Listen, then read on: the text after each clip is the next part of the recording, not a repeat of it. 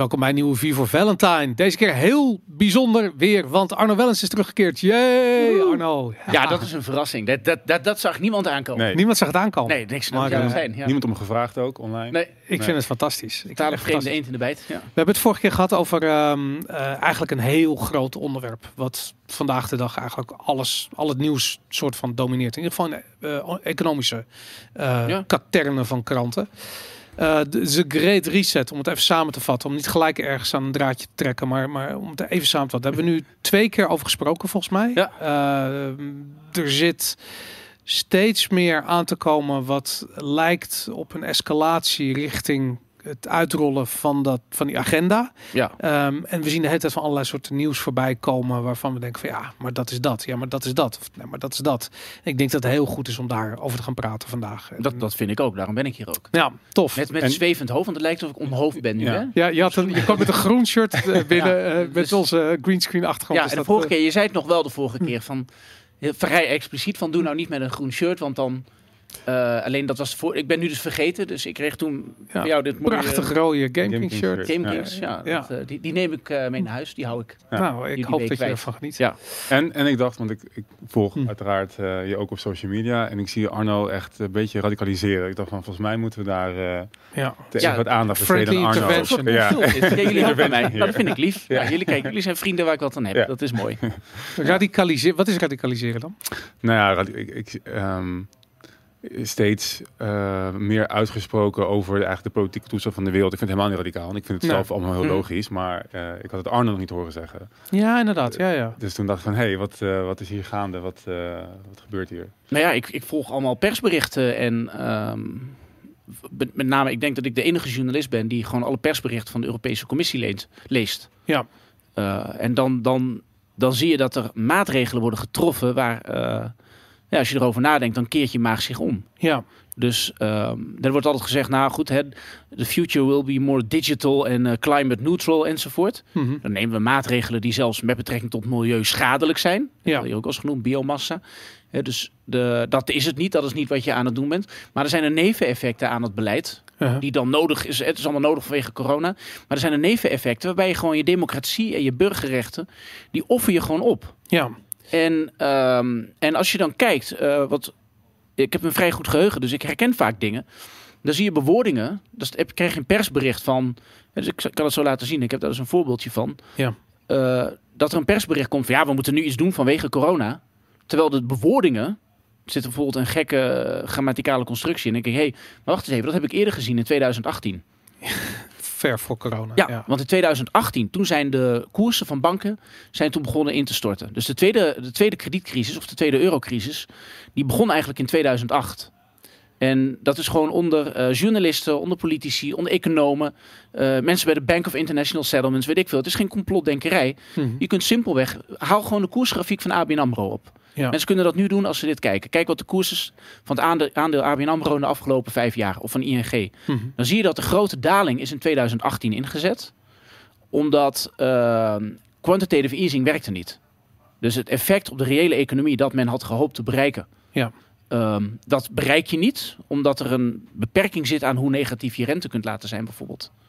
Want In een wereld van contant geld. de ECB heeft toch al gezegd dat we makkelijk naar min 6% Ja, maar dan moet je wel contant geld afschaffen. Ja, nee, tuurlijk. En uit die periode komen allemaal documenten. Zijn er gewoon studies gedaan. Ja. eh, die, die waarvan, hè, waarvan de uitkomsten, eh, in democratische zin, zeg maar, van oké, moet je dit willen? Mhm. Hè, dat is heftig. Ja. Eh, maar puur wetenschappelijk, of zeg maar puur technocratisch gezien, snap ik, hè, zoals cent- central bank digital currency, dat is helemaal geen vernieuwing. Dat is gewoon afschaffen van contant geld. Ja.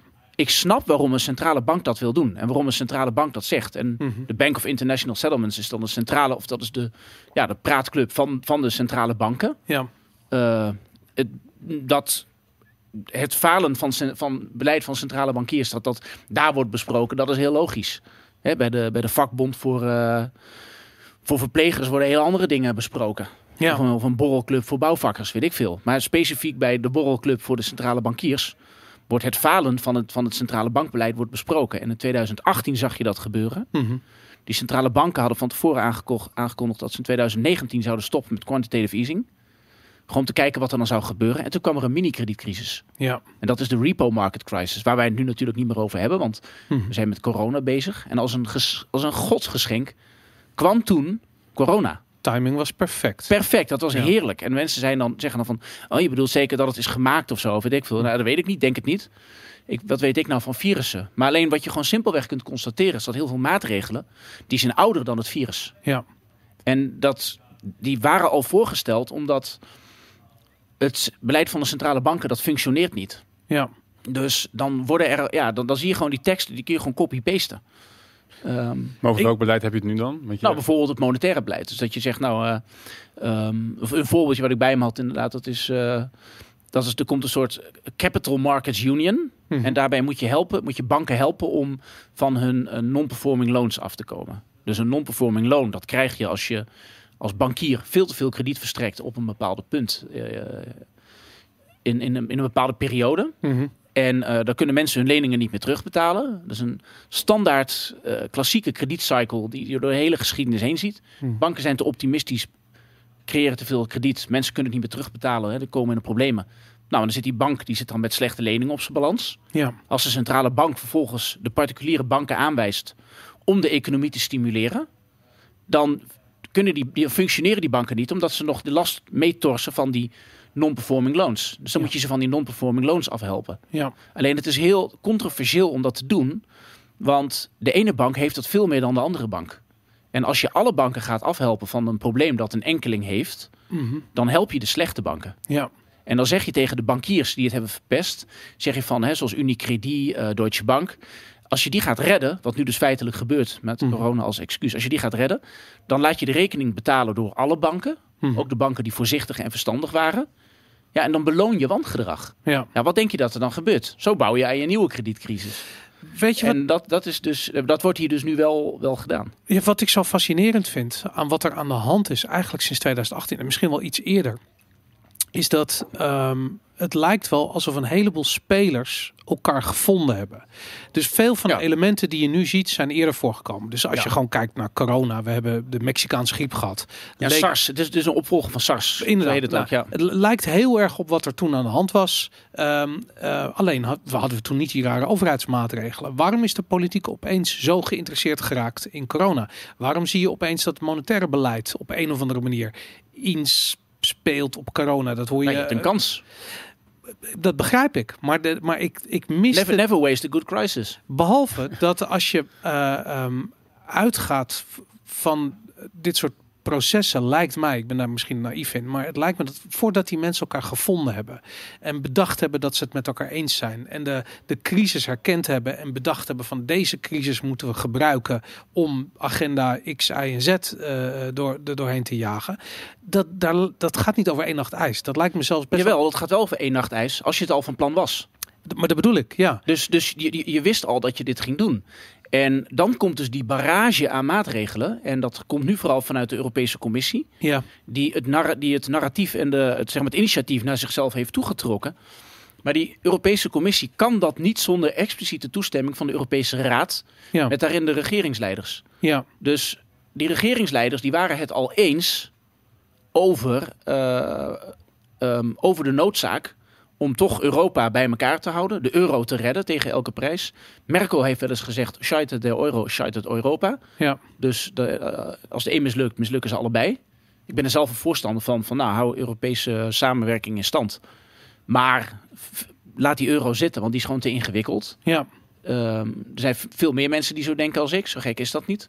Alleen Merkel is van mening dat er een centrale, centraal budget moet komen. Mhm. Ehm, wat puur technocratisch gezien ook no- nodig is om een euro te hebben. Nou, en Rutte volgt dat. En daardoor kan, heeft die Europese Commissie... die heeft dan de ruimte om initiatieven te ontplooien... en papers op te stellen. Hè, dus in 2018 was al duidelijk dat we een nieuwe kredietcrisis zouden krijgen. Ehm, dan, dan, dan, weet, dan weet men in Brussel... Hè, dan weet de Europese Commissie, de Europese Centrale Bank... die weten al, en die praten daar gewoon openlijk over... van ja, eigenlijk zouden we zus moeten doen, zouden we zo moeten doen... ja. en die publiceren dan working papers waarin die maatregelen worden voorgesteld en aangekondigd. En eh, ja, als je dan het hebt over bijvoorbeeld central bank digital currency, omdat Mhm. je misschien van contant geld af wil, ja. als Rutte eh, bijvoorbeeld in 2018 had gezegd van nou ik wil dit helemaal niet, Mhm. dan had hij toen aan de bel kunnen trekken en zeggen: hey, Europese Commissie, eh, jullie gaan nu een brug te ver. Dit willen mijn kiezers niet, dus ik wil het ook niet.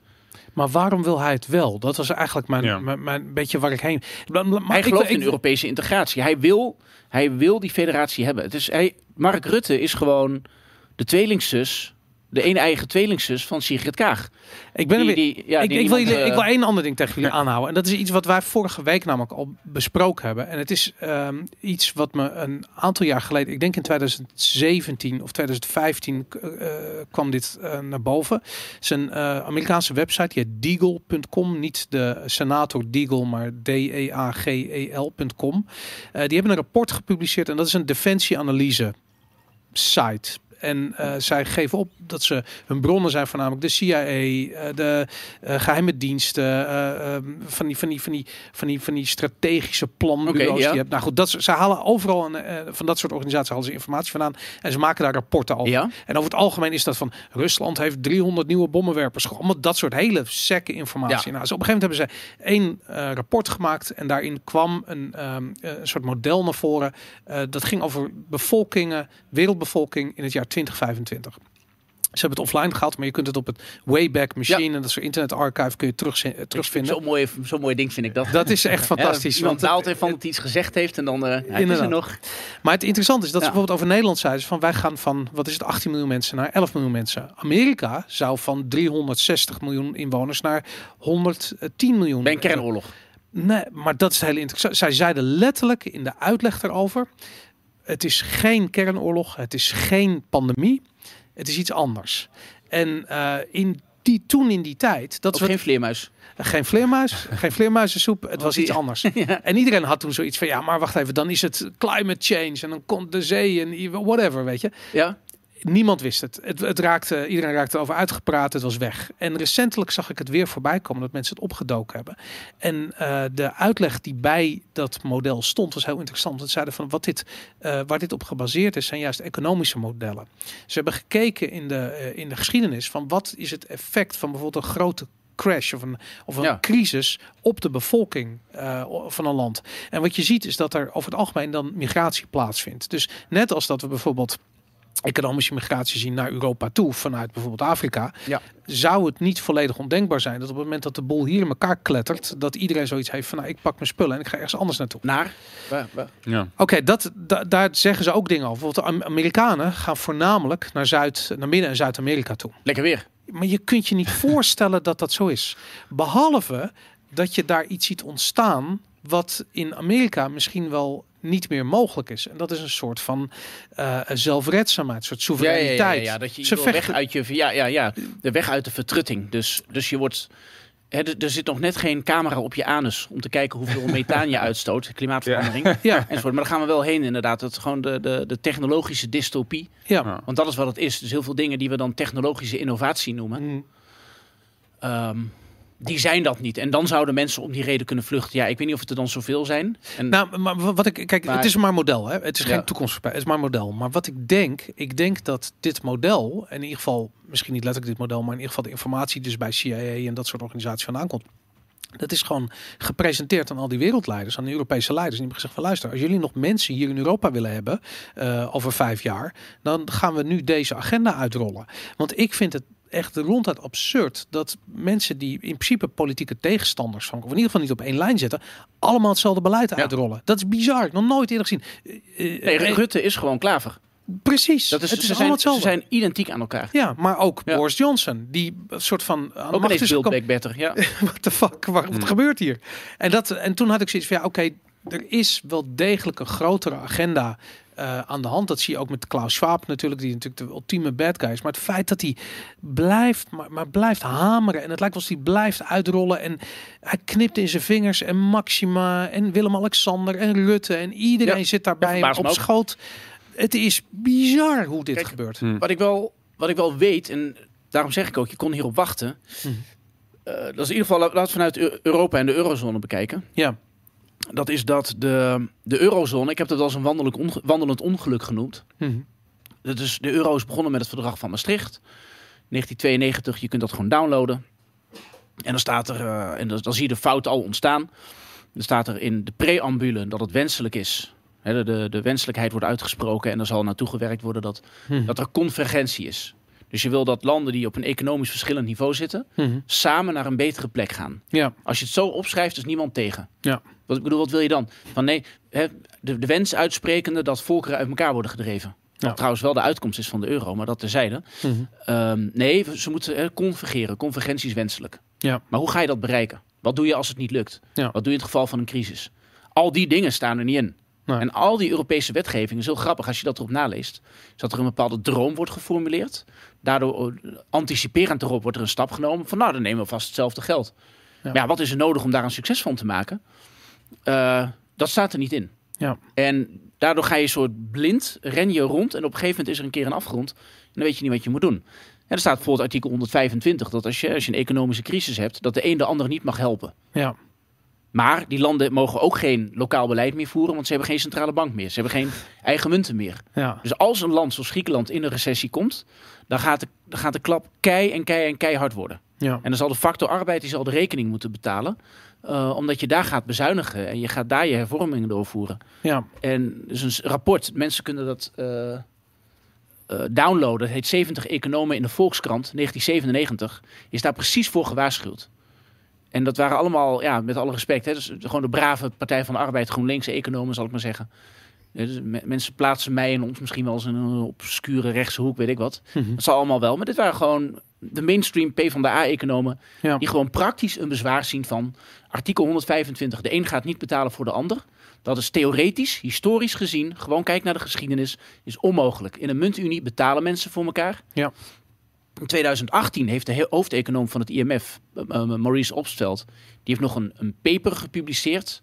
Revisiting the Case for European Monetary Integration. Mhm. En daar zei hij, het, de mythe dat de een, hè, dus dat een Nederlander niet voor die Griek hoeft te betalen, ja, die mythe, eh, dat is een existentiële dreiging voor dat hele project van Europese integratie in de euro. Dus gaat Rutte liegen? Dus ga je, je gaat En iets iedereen. moeten doen om inderdaad, dus alleen want, maar mensen willen het niet. Hè? Want als je gewoon een enquête houdt Tuurlijk, onder Nederlanders van wie wilde betalen, Ja, eh, eh, ongeveer eh eh, ik ben het niet, ongeveer drie kwart Mhm.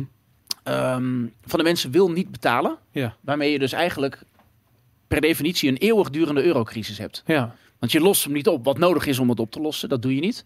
Hè, wat Maurice opstelt ook uitrekende is dat tussen de 5 en de 10 procent van je nationaal inkomen moet je elk jaar afdragen aan de Unie. En in Amerika doen ze dat, hè? ja, En daar kun je, daar kun je een waardeoordeel aan geven, maar dat is gewoon hoe het is. Ja. Amerikanen voelen zichzelf united. ja, En de Fin en de Griek die hebben dat niet. Dus die Fin die wil niet betalen. Dus die laat ook een clausule opnemen van... Ja, ik wil niet hoeven betalen. Dan ga ik akkoord met dat verdrag. ja, ja, Nou, en dan staat er wel nog een artikel na in dat verdrag van Maastricht. Dat als er een natuurramp komt, zoals een eh, aardbeving of ja, een pandemie, dan zou je indachtig de geest van Europese solidariteit kun je wel voor elkaar opdraaien. Dus Ja. je moet het een beetje op die manier moet je dat erin fietsen. Maar die, die euro is dus altijd inherent instabiel geweest. Daarom moest de Europese Centrale Bank maar eh, eh, de gaten opvullen. Nou, Mhm. de E- Europese Centrale Bank heeft daar de middelen niet voor. ja, Uh, en die Europese Centrale Bank, ja, die stuurt als zijn vertegenwoordigers naar de vergaderingen van die Bank of International Settlements. En daarbinnen uh, is, is de ECB de grote kneus. ja, Die moet veel meer geld bijdrukken, bijvoorbeeld, uh, in vergelijking met, met andere ja. uh, centrale banken. Bijvoorbeeld, ja, dan kun je het vergelijken met Canada of Australië. Kun je zeggen, ja, dat zijn kleinere economieën. Mhm. Maar proportioneel moet de ECB veel meer geld bijdrukken, want die moet ook nog eens die interne Europese verschillen overbruggen. ja, Um, dus de ECB is de eerste partij die er tegenaan loopt um, dat dat monetaire beleid uh, uh, eindig is. En dat, Ja. is. en dat heeft men rond 2017 en 2018 begon men zich dat in te zien. En daardoor is er inderdaad van tevoren al, is men al bezig geweest met, oké, okay, wat moet je dan doen? ja, Wel, wat is puur theoretisch gezien, hè, even los van democratische wenselijkheid, wat is nodig? Wat moeten we doen? Om, maar om wat te bereiken? Om die euro te redden. Maar dit is toch niet alleen maar iets wat in Europa afspeelt? Nou, hier is het, maar hier is het veel meer. Hè. Wat je dus ziet is dat die ECB van alle, Europe van alle centrale banken, behalve de Bank of Japan, maar die doet dit al veel langer. ja, Nou, in vergelijking met Amerika bijvoorbeeld, moet de ECB veel draconischere maatregelen nemen om een beetje de boel te stabiliseren. En wa- van waar die repressie? Want ik heb het gevoel dat, tuurlijk onder het mom van corona, maar het was daarvoor al meer aan de gang. Je zag al die digitale surveillance die, die Ja. steeds eh, indringender werd. Ehm, ja, we merken gewoon dat er, dat er, er vindt steeds meer repressie plaats. Ook Ja. Vrijheid van meningsuiting staat onder druk. Mhm. Je ziet dat de pers allemaal hetzelfde aan het, aan, het, aan het roepen zijn. Er is helemaal geen discussie meer. Nee. Er zijn er van twee Belgen nu alle kranten, dus Ja, dat, dat ook natuurlijk. van de een Ja. voormalige bankiers, dus die gaat niet. eh, ze- dus bij NRC Handelsblad gaan ze niet heel snel kritisch zijn op de banken. Gekocht door geld uit Brussel ook. Ja, je gaat die- niet je eigen eh, aandeelhouder in de voet schieten. Ja, Maar goed, die, dat is, maar dat is dus dat is, dat is dus het punt. Dus die, al die maatregelen die lagen al op de plank. Ja. En ik heb dat de vorige keer laten zien dat die Angela of die hoe heet ze, Ursula von der Leyen, die Ja. is heel blij met bijna met die crisis. We hebben dat juichfilmpje laten zien Ja. met haar tweet dat ze zegt now we have the funds. en al die maatregelen, het, het, corona, het eh, vaccinatiecampagnes, dus Hmm. mensen eh, eh, daarvoor enthousiast maken, eh, eh, eh, digitale repressie, eh, Maar wa- waarom en met welk doel dan? nou, om Europa te federaliseren. Maar dat En is- als, je- dat als is je dan- Europa wil federaliseren, dan moet je Nederlandse soevereiniteit afpakken. Ja, maar, maar jij geeft aan, volgens mij is dat, ik weet niet wat je altijd zegt, de, het euro-evangelie, het geloof in die euro en alles moet gewoon vallen voor dat geloof. Maar dat is Ja. dus alleen maar in Europa. En je ziet, volgens mij wat jij schetst, zeg maar, die maatregelen, die repressie, dat is een wereldwijd fenomeen. Je ziet dat overal gebeuren, ook in Amerika. Hoe zit dat daar dan? Ehm, nou, kijk, de Fed die heeft in Amerika heeft men natuurlijk soortgelijke problemen als hier. Alleen hier is het wat extremer. Hm. Dus de, de Europese Centrale Bank zal, hè, als er een wedstrijdje is van wie kan dat hardste geld bijdrukken, eh, de ECB of de Fed, dan zal de ECB degene zijn die bereid moet zijn om de extremere stappen te nemen. Dus, ehm, dus als iemand zegt we gaan contant geld afschaffen om negatieve rente mogelijk te maken. Want waarom, die waarom die negatieve Ho- Hoezo moet je cashgeld afschaffen om negatieve rente mogelijk te maken? Ehm, dat is dus het leuke. Dat staat dus in die. eh, ik had daar trouwens een paper van. Misschien kan ik Ja. het laten zien over dat CBDC. Dat was een paper van de. Ja, dit is een. eh, eh, ja, deze is- zijn allebei goed. Dus mensen kunnen dit. Hebben nu de titels gezien. Ze kunnen het allebei downloaden. Dan staat er maart 2018. Daar heeft men het er al over bij de Bank of International Settlements. Central Bank Digital Currencies. Dat is een. Er wordt, er Oplossing. wordt een quote bij. Ik, ik, ik praat Ja, weet je, verder kan die ook nog, als we even verder kijken. Is een quote.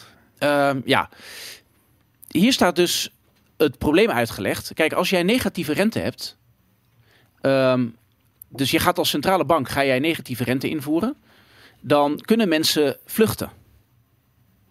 Want Je, gaat, dus- geld, je gaat geld pinnen. En Want je gaat geld pinnen, dat soort dingen, ja. En dan heet het, en zo, eh, zo, zo, eh, dat is die terminologie, dat is de zero lower bound van het Monetary Policy Transmission Mechanism.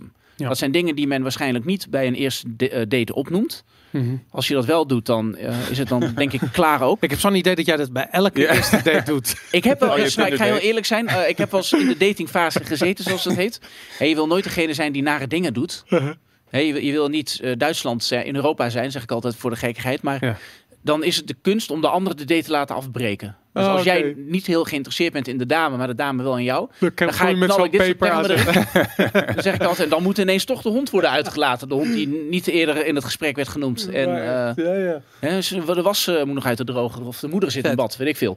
Maar goed, maar ze zeggen Dus, dus, in feite dus- van cashgeld kan niet meer bestaan, Nee. want mensen gaan pinnen. En die Ja, gaan daar exact. Gaan, ja. gaan pinnen. En eh, dit is een paper Want, want negatieve rente trouwens leidt tot dat je gaat betalen als je spaarrekening op de bank hebt staan. Juist, dat, Precies dat wat er nu gebeurt. Exact. En dat is dus, dat is dus, dat is dus vermogensbelasting. Ja. Het is een nieuwe vorm van belasting, dat is het. Ja. Alleen dan moet de ECB dat doen. Dus je krijgt dan een, een, een instelling. Die, hè, dus de, de Europese Unie heeft die monetaire gaten, of de, de institutionele gaten. Ja. Er is geen minister van Financiën op centraal niveau, die je in Amerika wel hebt. Ja. Die dus lokaal kan kijken, goh, West Virginia slaat de crisis zus in en in New York zo. Nou, gaan we per land kijken wat het beste is. Mhm. In Europa doen we dat niet, waardoor in de zwakke landen, Italië, Griekenland, is die crisis is echt verschrikkelijk. Dat hou je niet voor mogelijk. Jeugdwerkloosheid van nog steeds 50% in Griekenland. Ehm, die ECB wordt dan ingevlogen om het maar eh, eh, aan te pakken. En de ECB is dan, ehm, die moet dan dingetjes verzinnen en die moet dan bijvoorbeeld de rente dan negatief maken. Nou, wat in deze papers blijkt, en dat is dus een paper van de, eh, van de Bank of International Settlements, waarin wordt verwezen naar de ECB en andersom. Dus ze verwijzen naar, naar elkaar. Ja. Het is een openbare discussie tussen economen van die instituten, die zich daarbij niet uitlaten over de democratische wenselijkheid Mhm. Dat moeten wij doen, maar Nederland laat dit gewoon gebeuren. En daarbij zeggen ze dus inderdaad, dus het paper van de BIS verwijst naar het paper van de Europese Centrale Bank, waarbij de Europese Centrale Bank zegt, ja, als wij de rente verlagen, Mhm. dan kiezen mensen ervoor om geld op te nemen.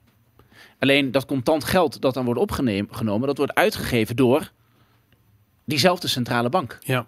Dus die centrale bank die schiet zichzelf beleidsmatig in de voet. Dus in de top van de toren in Frankfurt zetten een aantal mensen die zeggen: hé, hey, we gaan de rente verlagen. En in het midden van het gebouw zijn er dan mensen die zeggen: hé, hey, we zien prompt dat mensen meer contant geld willen hebben. Ja. We moeten die pinautomaten volhouden. Dat is de, de- een taak van de, van de ECB via die banken. Dus dan moeten ze dus meer contant geld geven. En daarmee eh, zit, daar, daar komt dus die zero lower bound vandaan. Ja. Je kunt niet te ver onder die nul gaan, omdat mensen dan voor contant eh, eh, geld kiezen. Maar Nou, en, en dan is het dus een hele logische stap. En daar wordt dus gewoon over, o- openlijk over. eh, dan is CBDC, dus de Central Bank Digital Currency. Waarbij je dus doet alsof, je, alsof het contant geld is. Maar je hebt contant geld dan afgeschaft. Want een digitale rekening met een Central Bank Digital Currency kun je ook gewoon belasten. ja, tuurlijk. Contant geld kan niet. Als ik, als ik eh 50 euro in mijn zak heb, hoe ga je dat belasten? Ja. En daarom staat het dan van, it is a substitute for cash. Ja. En rond 2018 begint die discussie over die CBDC. Er is niemand in de samenleving die er ooit om vroeg. Ik heb nog nooit iemand gesproken die zegt van nou, mijn leven is best leuk. Ik heb een eh, vrouw, eh, een eh, huisje, is niet super maar wel prima. En, kinderen die zijn vrij redelijk en ja, een baan oké. maar ah, mensen, kinderen, ik zou toch zo graag een CBDC willen hebben. Dat zou mijn leven volmaakt mij. Ik ken niemand die dat heeft. Maar wacht, wacht even, want En dit is, dit, maar dit is dus een discussie die is ingestoken door, eh, door centrale banken, door de Bank of International Settlements, omdat zij een zwakke broeder in hun midden hebben. Dat is de Europese Centrale Bank. ja, Die moet inderdaad, dat is eigenlijk het antwoord op jouw vraag. Dus die moet, die moet doen wat andere westerse centrale banken ook doen, namelijk de, de, de effectieve vraag ja. op peil houden, omdat ja, corona er toch inhakt. Mhm. Alleen in Europa moet die centrale bank veel en veel meer doen. Die moet veel harder geld bijdrukken, omdat die ook nog eens die interne verschillen moet overbruggen. En al sinds 2018 is gewoon duidelijk dat dat geld bijdrukken, steeds meer geld, meer geld, meer geld, dat werkte op een gegeven moment niet meer. Nee. En dan is de ECB de eerste partij die zegt, nou dan gaan we gewoon over op het onteigenen van geld. En dat kan dus alleen maar als het geld niet in jouw zak zit, want dan kun je er niet bij. Ja, of- ze kunnen je dwingen om het uit te geven. Van als je niet je gratis, je 1000 euro die je elke maand krijgt, niet je, je, je hoe heet het, de, de basisinkomen, wat Ja. ze natuurlijk ook moeten invoeren daarbij. Als je dat niet uitgeeft voor de 23ste of de 24ste van de maand, dan is 25% is weg of zoiets. Ja, ja, precies, inderdaad. Ja, gewoon, inderdaad, zo doe je het dan. Of dan zou ik het omdraaien. Dan zou ik zeggen, als je het voor een bepaalde datum uitgeeft, dan krijg je korting. Oh ja, op die manier. Want als je het zo zegt, dan, dan zijn mensen, oeh, je pakt iets van me af. Ja. Maar het is altijd van jezelf. Ik heb, we hadden er trouwens een filmpje van, hè, van die... eh, Van de quote van, eh, van eh, eh, Meneer Karstens. Ja. inderdaad. De, de, de, de belichaming van inflatie. CBDC, in particular for the use of general to the general use, uh, we tend to establish the equivalence with cash, Uh, and there is a huge difference there. Uh, for example, in cash, uh, we don't know, for example, who's using a $100 bill today. We don't know who is using a 1,000 peso bill today. The- a key difference in, with the CBDC is that central bank will have absolute control on the rules and regulations that will determine the use of that uh, expression of central bank liability. And also, we will have the technology to enforce that. Those are those two issues are extremely important, and that makes a huge difference with respect to what to what cash is.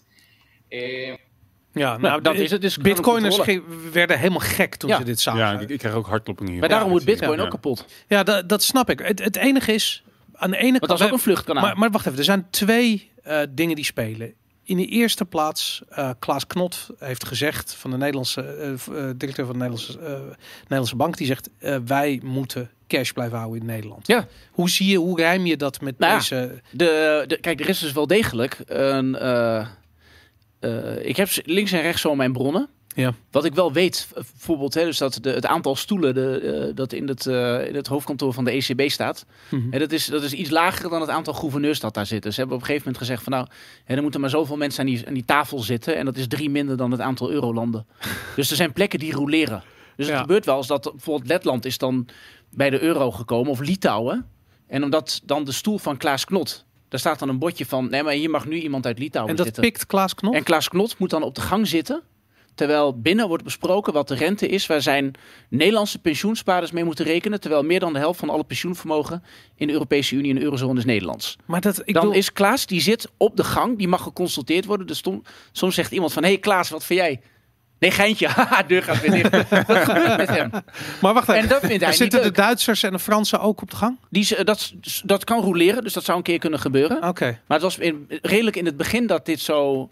Wow. En toen werd er dus inderdaad een rentebesluit genomen waar hij niet... eh, Maar goed, En dan, dat, dat maakt hem pissig. En er zijn mensen die met hem meereizen. ja. Die, en eh, dat, als dat zoiets gebeurt, dan hoor ik dat. Ja, nee, dat snap ik. Maar ik moet je En eerlijk dus- zeggen, ik, vind- Klaas Knot, eh, eh, ik hou niet van bankiers, maar hij is nog een. Hij heeft ook gezegd dat hij tegen die geldcreatie is van, Ja. van de ECB. Dat Maar gaat veel Nederland heeft dat ook niet nodig. En dat is dus het hele probleem hier. Je, je, je hebt een medicijn dat voor iedereen hetzelfde is. Ja. Dus wij doen dus waar, waar Amerika monetair beleid en monet, financieel beleid. Ja, wat is goed eh, in een bepaalde situatie om een, om een crisis met bepaalde kenmerken op te lossen? Ja. Wat moet je dan doen? Hè, hoe moet je dat in de ene staat doen? Hoe moet je dat in een andere staat doen? In Amerika zijn die instituten, instituten die zijn er, zodat je de mensen de hulp kan geven die nodig is. En in Europa doen we dat niet, want we zeggen er is geen verschil tussen een Fin en een Griek. ja. Dus iedereen is hetzelfde. We are all European. Dat is een beetje de natte droom van Frans Timmermans. ja. Eh, ik, ja, dus ik, ik, zat, ik glimlach, maar ik zat te denken, het zou- het zou leuk zijn als die twee gaan sumo worstelen. Met die, eh, kijken, kijken wie dat, Dat- wint. Maar dat is dit flauw. is een dat oneindige dat mag niet. van, eh, ja, van nee, gaan we niet doen. ja. Gaan we niet doen. We gaan lief blijven. Hey, maar ik Ehm, wou maar even een ander, Arno. Eh, in China hebben ze eh, een central bank digital currency. eh, de Nou ja, dat digital noem je een mooi voorbeeld. Ja, nee, maar dat bedoel ik. Maar eh, het interessante is, die is eh, volgens mij eh, vorig jaar zijn ze begonnen met het uitrollen daarvan. Dus experimenteel geweest en nou goed, bladibla. Ehm maar de eerste reacties van mensen die dat dus moesten gebruiken. In eerste instantie rond kerst van andere feestdag kreeg iedereen dus 50 euro of 100 euro, weet Ja. ik veel, zoiets. En dan mochten ze die wallet downloaden. Inmiddels zijn we dus een half jaar verder en niemand wilde meer wat mee te maken hebben. En tenminste, we hebben het over de bevolking. Waarom? Omdat ze gewoon de overheid niet vertrouwen. Nee. En dit vind ik essentieel, namelijk dat als er geen vertrouwensrelatie is tussen de overheid en de burger, dan gaat de overheid verzinnen wat ze wil, maar het gaat gewoon niet geadopteerd Nee. worden door die burgers. En dit is dus, en daarom noem ik dit, dit is misschien een beetje het eindspel in jouw gekkigheid. Want we hebben dus heel lang die situatie gehad dat de instituten die nodig zijn om er een succes van te maken, die ontbreken. Ja. Nou, dan moeten overheden ad hoc, hè, dan moet Rutte weer een keer de boel bij elkaar liggen. Zegt hij, nee hoor, er is helemaal geen bankenunie, er gaat geen geld naar Italië, gaat geen geld naar Griekenland, is niet aan de orde, enzovoort, enzovoort, enzovoort. Mhm. Het dan wel doen, op die manier de financiële markt een beetje kalmeren. ja. En die krijgen dan gratis geld van de ECB, waarmee ze dan dingen kunnen doen. En op die manier hebben ze dat nog heel lang kunnen volhouden. Alleen Ja. wat je ziet, met name in eh, de periferie van Europa, is dat dat geld wat, wat, wat, wat wordt bijgedrukt, dat bereikt de reële economie nooit. Dus de investeringen in allemaal landen, die zakken in. Ja. En die gaan een, eh, met name Italië en Griekenland, die gaan een zeer, zeer lange Mhm. eh, depressie tegemoet. Die misschien wel een halve eeuw kan duren. Maar dat, daar zitten ze nu toch En al daar zitten ze al in, dus jaar die- in. ja. Dat, En dat is maar dat, dat hè, maar je, hebt dus, je verdient dus niet genoeg geld om te investeren. Ja. Maar daarna worden jouw, wordt jouw verdienkracht te laag omdat je niet hebt geïnvesteerd. En dan, ga je echt, dan ga je echt door het putje. En daar is, Griekenland is de eerste waar dat gaat gebeuren. Ehm, Maar Griekenland Dus- heeft toch gezegd van als eh, wij gaan uit de euro als we niet eh, gewoon geld krijgen uit Brussel. ja, maar die, die zijn nu zo platgeslagen en, en, en onmachtig. Wat was je vraag ook alweer? Want ik wijk af. Eh, nou, het, het ging erover dat als die vertrouwensband tussen sorry, de, ja, de en vertrouwensband. de overheid. Dat is het, ja, sorry. Nee, de vertrouwensband. Kijk, iedereen weet, wij, wij weten allemaal dat, eh, dat als, de, als een ECB met zoiets komt, of je hoort zoiets als Central Bank Digital Currency, Ja. want ja, dat is zo nodig. Mhm. Dat, dat, dat doet een overheid die door zijn middelen heen is. Het is niet zo dat je dus daadwerkelijk een idee hebt dat los van al het andere een bepaald probleem oplost en dat jij dat probleem ook zo hebt ervaren en dat je daarom zegt nee, nee, dat vind ik dat wel handig. Dus Ja. een, een, een, een innovatie die, die misschien wel werkt is. Mensen weten dat nu natuurlijk niet meer, maar eh, zo'n eeuw geleden, ruim een eeuw geleden, eh, lagen alle straten van steden die lagen vol met paardenpoep en lijken van paarden. Want wat we nu met de auto en de fiets doen, dat deden we toen met paarden. Paarden gaan dood. Nou, Wat was die schuif je quote? hem in in, In- eh, ja, dat is zo. Londen. Dat was ook zo. En op een gegeven moment heb je dus paarden nodig om die stront weg te halen. Maar de paarden die die karren trekken, die gaan tijdens het trekken dood en die gaan ook weer kakken. Dus eh, op een gegeven moment eh, lagen gewoon al onze grachten die lagen vol met poep. En toen dachten ze van, oeh, gaan we hier nou vanaf komen? Nou, tot iemand de benzineauto ontdekt. En eh, nou, dan kom je met je laadklep en dan schep je het erin. En dan zijn de straten weer schoon. En nu hebben we auto's. Dus wat je zegt, eigenlijk is dat bitcoin de benzine... Het is een beetje de benzine en de, de euro, dat is gewoon je, je, je, je paardenpoep. En nu zitten de paardjes lekker in de wei, kun je ze aaien. eh, Het is, veel, is ook veel Ja. beter voor de paardjes. Maar dat is inderdaad een innovatie, die wordt gedreven door een behoefte. En dat CBDC, dat, Hm. is een, daar, dat dient geen behoefte. Nee. Dus je kunt ook dat rapport downloaden, hè, wat ik net liet zien. Als je dat gewoon leest, dan worden er een aantal scenario's geschapen. Ja. eh, en dan wordt daar een oplossing voor bedacht. Maar dan bedenkt de ECB een oplossing voor een probleem dat ze net zelf scheppen. Ja. Maar iedereen weet, iedereen weet dat de ECB met de vernieuwing komt. Ja. Op het moment dat, dat, dat ze al quantitative easing doen. Wat zeer controversieel is, wat niet werkt. Ja. eh, wat aan het einde wat, wat al door zijn hoeven zakt, om in de paardentermen te blijven. Ja, en dan kom je met je vernieuwing. Dus dan iedereen voelt op zijn klompen, die ermee bezig is tenminste. Maar er zijn hier niet genoeg mensen mee bezig. Maar je voelt op je klompen al aan dat er een heel ander probleem wordt opgelost. En dat is dus wat je dus las, open en bloot in die documentatie van de, van de BIS en van de ECB. Is dat jouw monetary policy transmission, dat werkt niet meer. Want op een gegeven moment loop je tegen die grens van nul aan. Die is heel belangrijk daarbij, want je kunt daar niet te ver overheen gaan. Ja. Eh, dus monetair beleid werkt niet meer. Nou, hoe hou je ook controle over de mensen, hebben we die meneer net horen zeggen. Ja, dan moet je dus naar een CBDC doen. Dus ja, dit, dit zal eh, zeker in Nederland. ehm, dus ik ben heel be- benieuwd hoe zich dit gaat uitspelen. Maar Nederland gaat hiermee te maken krijgen. Wij zullen zien dat steeds meer pinautomaten worden gesloten. Dat om gezondheidsredenen dat contant geld nergens meer wordt aangenomen. Mhm. Eh, en zo gaan we langzaam maar zeker toe naar een situatie dat je contant geld wordt afgeschaft. Zodat je vermogensbelasting kunt laten heffen door een niet gekozen orgaan. Ja. En dat is staatsrechtelijk is dat. En als je het historisch bekijkt, als je gewoon naar de wordingsgeschiedenis van Nederland kijkt en je, en, en je laat dat gebeuren. Ja, het is, Dat is onvoorstelbaar. Dat is onvoorstelbaar hoe groot het is waar wij het nu over hebben. ja. Maar we glijden er wel heen. Maar ik vind het namelijk heel erg lijken op corona op een aantal manieren. En om te beginnen namelijk dat veel van de maatregelen ehm, eh, gewoon heel controversieel zijn. In het begin hebben we het RIVM horen zeggen mondkapjes werken niet. We hebben meerdere artsen en specialisten hebben horen zeggen mondkapjes werken niet. Het is een sociaal experiment. Toch komt er een wet voor mondkapjes. Hetzelfde met de lockdowns. Hetzelfde met de avondklok. Al die maatregelen, tussen aanhalingstekens, zijn helemaal niet bedoeld om corona te bestrijden. Want iedereen weet al lang dat dat niet werkt. Het is bedoeld voor iets anders. En het is hetzelfde met die, eh, met die CBDC. Het is ook een probleem op zoek naar een oplossing. Of wat is het een oplossing op zoek naar een Op zoek- probleem? ja, exact. En dat En- is ja. Ja, en dat is eh, het, hetzelfde met, met, eh, met, met al die coronamaten. Dat zijn ook allemaal soort van, van, van oplossing op zoek naar een probleem. Want het werkelijke, hoe dat virus zich gedraagt, weet je, daar hebben we Maurice de Hond al over gehoord, weet je. En dat, eh, dat het uit een laboratorium komt in Wuhan, dat wordt nu ook opeens mee. Dus wat je ziet... Ja, ik weet dat niet hoor, dat zeg ik er meteen bij. Ja, maar goed, dat- maar da- ik, kijk dan naar de, ik kijk dan naar de gevolgen. Ik vraag me af van ja, waarom zou je CBDC invoeren?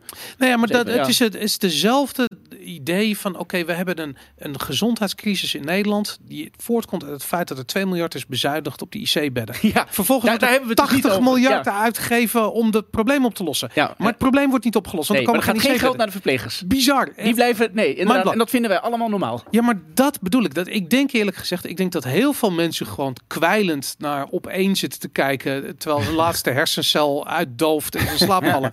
Maar ik denk dat steeds meer Nederlanders gewoon zoiets hebben van het klopt niet. En wat er niet klopt, dat weet ik nog niet helemaal. En dan langzaam vallen er steeds van die, van die muntjes op hun plek. Weet je, en dan hebben ze iets Nou, van, mooie woordspeling. Maar dat is wat je dus doet. Je wil dat muntje op zijn plek hebben. ja. Je wil dat die euro blijft voortbestaan. Dat is, het, dat is wat men in de Europese Raad... ja, want dat wil jij en ik niet. Maar dat Nee, dat, dat willen wij niet. Nee. Hier zitten niet de grote euro-enthousiastelingen aan tafel. Of, maar zo heb ik het in mijn boek genoemd. Of besluit dan dat je zegt: oké, je gaat de verantwoordelijkheid nemen die nodig is Uh-huh. voor het succes. ja, Dan moet je het verdrag van Maastricht openbreken. ja. Eh, Lex Hoogduin, nou, die heeft eh, ook directielid geweest van de, van de Nederlandse Centrale Bank natuurlijk. Mhm. Die heeft, heeft bijvoorbeeld gezegd: nou, dat, dat principe van het artikel 125, dat zul je moeten verlaten. Ja. Wat het meest praktische is, Wat is dat ook weer? dat is dus de no bail-out clausule. Oké, ja. Dus je hebt samen hetzelfde geld. We gaan monetair trouwen. Nederland en Griekenland Ja. zitten in hetzelfde, in hetzelfde munt.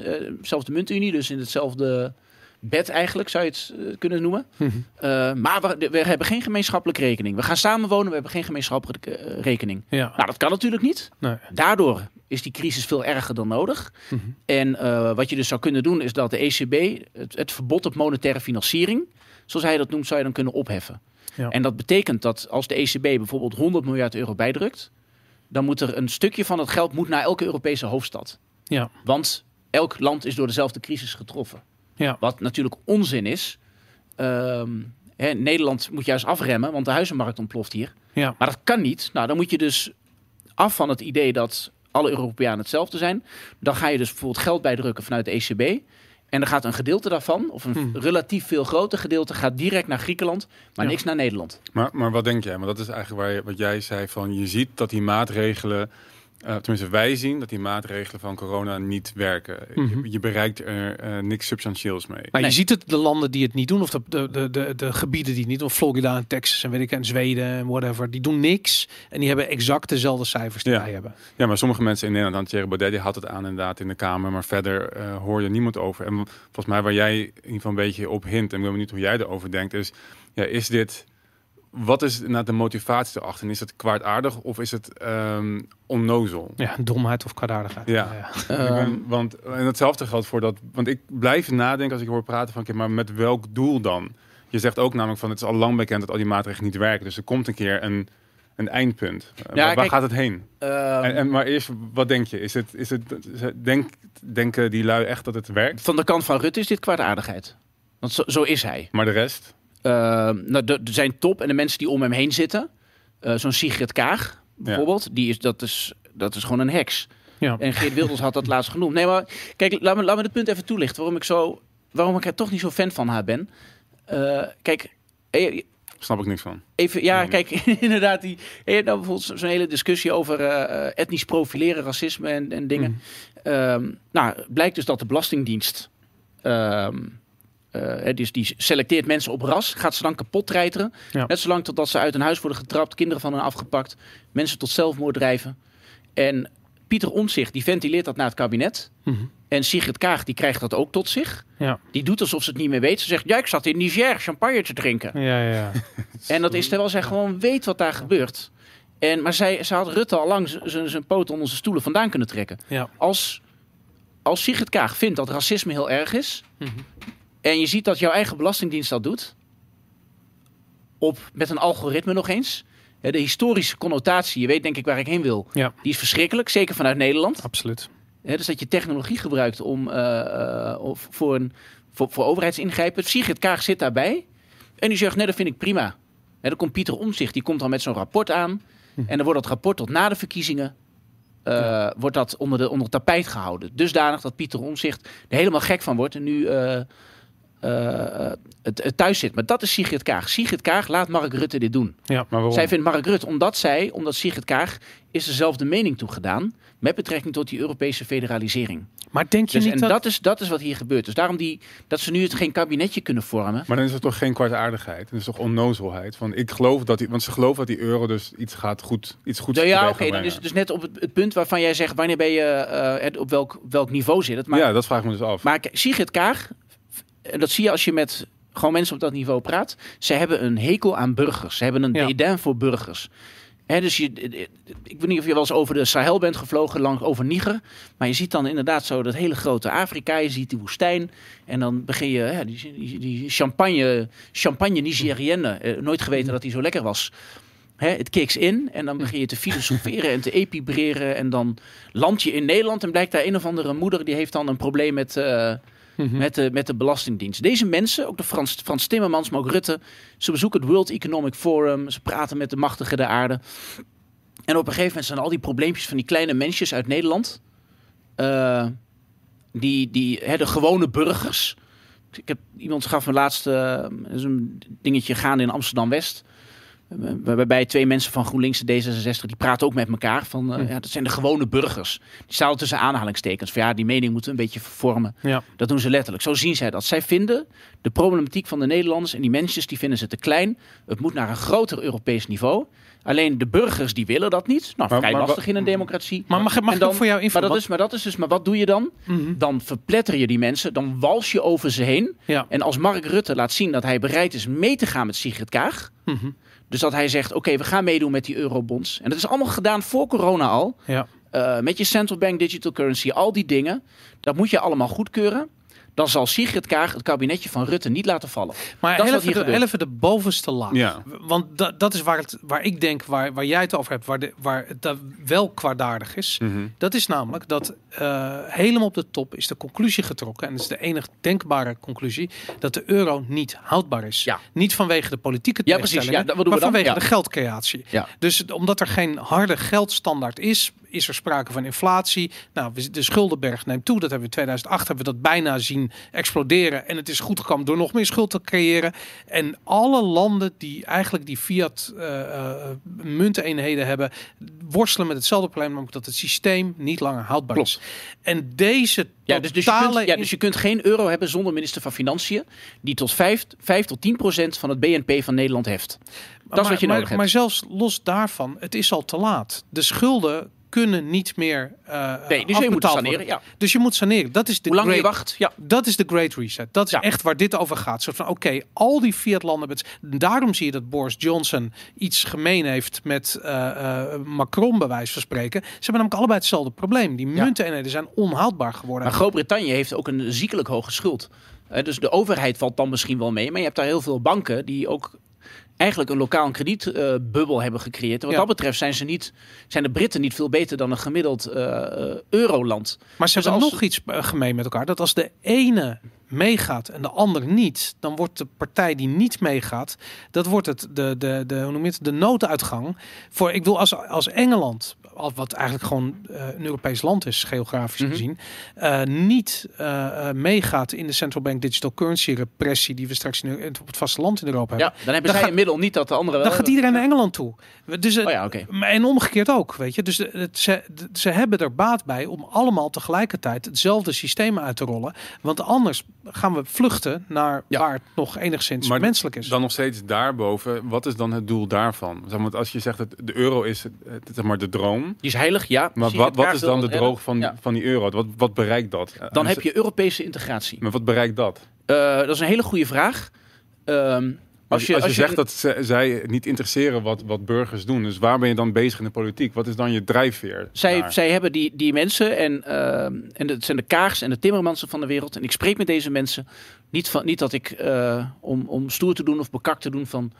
Hè, dat, dat ik ook op de ambassade van Niger mag komen om daar champagne te drinken. Maar ik word ook wel eens uitgenodigd bij, eh, door, door de Kamer. En eh, omdat ze dan ook een ander geluid willen horen. Nou, Mhm. Dan laten ze mij dat vertolken. En vervolgens gaat mijn aanbeveling natuurlijk wel meteen in de prullenbak. Maar eh, de, het, het, het dédain voor de gewone man. ja. En wat dat betreft, daarom noemde ik die toeslagaffaire natuurlijk ook wel eens. Maar dat is, dat is tekenen. Dat is, dat is een, een Timmermans of een Kaag of een Rutte. Eh, maar dat is toch geen drijfveer? Dat Nee. ze, ja, dat jawel, denken, zij, snap jawel. ik. Maar zij, zij, zij willen naar een Europese federatie. Zij, eh, zij zijn cosmopolitisch by nature. Mhm, Timmermans krijgt daar 30.000 euro per maand voor. mhm. En dan, dan versterkt dat zichzelf ook. Hè? Natuurlijk ben jij fan van een systeem dat jou dusdanig goed, eh, goed beloont. Maar dan ga je er ook in geloven en dan ga je het verdedigen. ja. En Hmm. dan wordt dat sterker en dan is jouw salaris weer gegarandeerd. Dus die, ja, als jij, ik heb zelf ook wel eens bij een bank gewerkt, een effectenbank, die hele foute dingen deed bij La Hmm. Boucher. Mhm. En toen dat in begon te storten, toen merkte ik dat ik mijn creativiteit ging aanspreken. Om nog te kijken wat ik kon doen om de sales van mijn afdeling op, op peil te houden. Dat snap ik. Maar En, jij en dus een van, tijd dacht ik van, hé, hey, dit, gaat- dit gaat helemaal fout. Ik, ben, ik was er op tijd uitgestapt. Maar er is nog even een moment dat je zegt, nee, ik ga dit redden.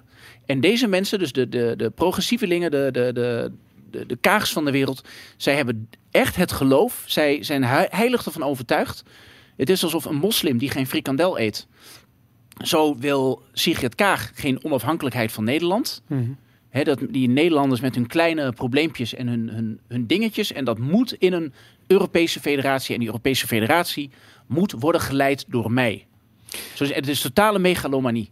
Oké, Hmm. maar dat, dat kan ik me voorstellen. Dat zeker dat de spelers die overeind blijven in dat systeem, eh, die zijn. Die hebben honger naar macht. Ja. Dat zijn allemaal zo, halve sociopaten. eh die ge- en leugenaars sowieso. Die gedijen goed in dat systeem. Maar ik blijf erbij dat de, al, de, in de toplaag we, we, we te maken hebben met een systeem, een monetair systeem, wat niet langer kan doorbestaan. Nee. Als het al niet geëindigd is in 2008. En de vraag is gewoon van in hoeverre, eh, waar zijn we in die, in, in, in die tijdlijn van het inklappen van dat, van dat Oh, fiat de systeem? vraag is dat. Kijk, ik had het hier, ik kan me nog herinneren. Ik heb het hier zes jaar geleden over gehad met Willem Middelkoop. Mhm. Dus je hebt de Big Reset en de Great Reset. Eén is van eh, Klaus Schwab en de andere is zijn. Van ja, je moet, daar, je moet dat een keer salderen. Je moet Ja. er iets gaan doen. Hij heeft gezegd rond 2020. Nou, hij kon ook niet weten dat... eh, Zijn timing was heel goed. ja, Ja. de, de, de, de, de vleermuissoepfabriek van Unox, dat die zou ontploffen in China, weet ik wat. Eh, maar wat, waar wij het wel toen ook over hebben gehad, is dat de, de, de, het instrumentarium Ja. van eh, zeg maar de, de, de, de- deze borrelclub, om het zo maar te noemen. Dus waar. Kaag Timmermans en, eh, en de ECB, en waar, waar mensen elkaar ontmoeten. Ja. Die, die is vrij, dat is een, het is een beperkte gereedschapskist. Je kunt maar een paar dingen doen. Nee, je kunt de rente verlagen. Nou, dan werkt dat niet meer. Nou, oké, dan moet je dus eh, contant geld maar afschaffen, want dan heb je die vluchthaven niet. Hm. Oké, dus het, het aantal stappen, het aantal dingen dat je kan doen is beperkt. Mhm. Maar die beperkte aantal middelen kun je tot eigenlijk wel in het extreme of het oneindige inzetten. En het, het stopt op het punt dat burgers het niet meer pikken. En het punt waarop ik had gedacht dat het zou klappen, eh, dat zijn we ver voorbij. Dus mij, ik ben een slechte toekomstvoorspeller. Je moet het Ja. mij niet vragen. Nou. Ik snap niet waarom mensen. ehm ja, als ik gewoon twee statistieken mag noemen. Ehm, de, die, die euro werkt dus voor, voor, voor, voor de sterkere en de zwakke landen niet. In Mhm. Griekenland is de investeringsquote, dus wat wordt er geïnvesteerd eh, ehm, om de economie innovatief te houden, dat is met 75% gedaald sinds de top Ja. in 2008. Zo heftig is die crisis. Dus er worden geen nieuwe fabrieken gebouwd. eh, daar zijn er dus ook geen banen voor mensen en daardoor is de jeugdwerkloosheid 50%. Mhm. Daar zit je op Weimar-achtige eh, situatie. Als ze hun eigen, als ze de drachma nog hadden gehad. De, ja, en, maar nu, maar nu maar de, de economische schade is. Eh, De schade heb je het over, niet over de geldkraat. Nee, niet over de inflatie. geld- nee, Ja, over de, gewoon over de, wat, Ja. wat betekent het voor mensen? Ja, oké. Nou, en in Nederland zie je dat de huizenprijzen zijn verdubbeld. Ja. Dat gaat nu met 10, 20 procent per jaar soms. En dat betekent dat, dat een gewoon huis is totaal onbetaalbaar.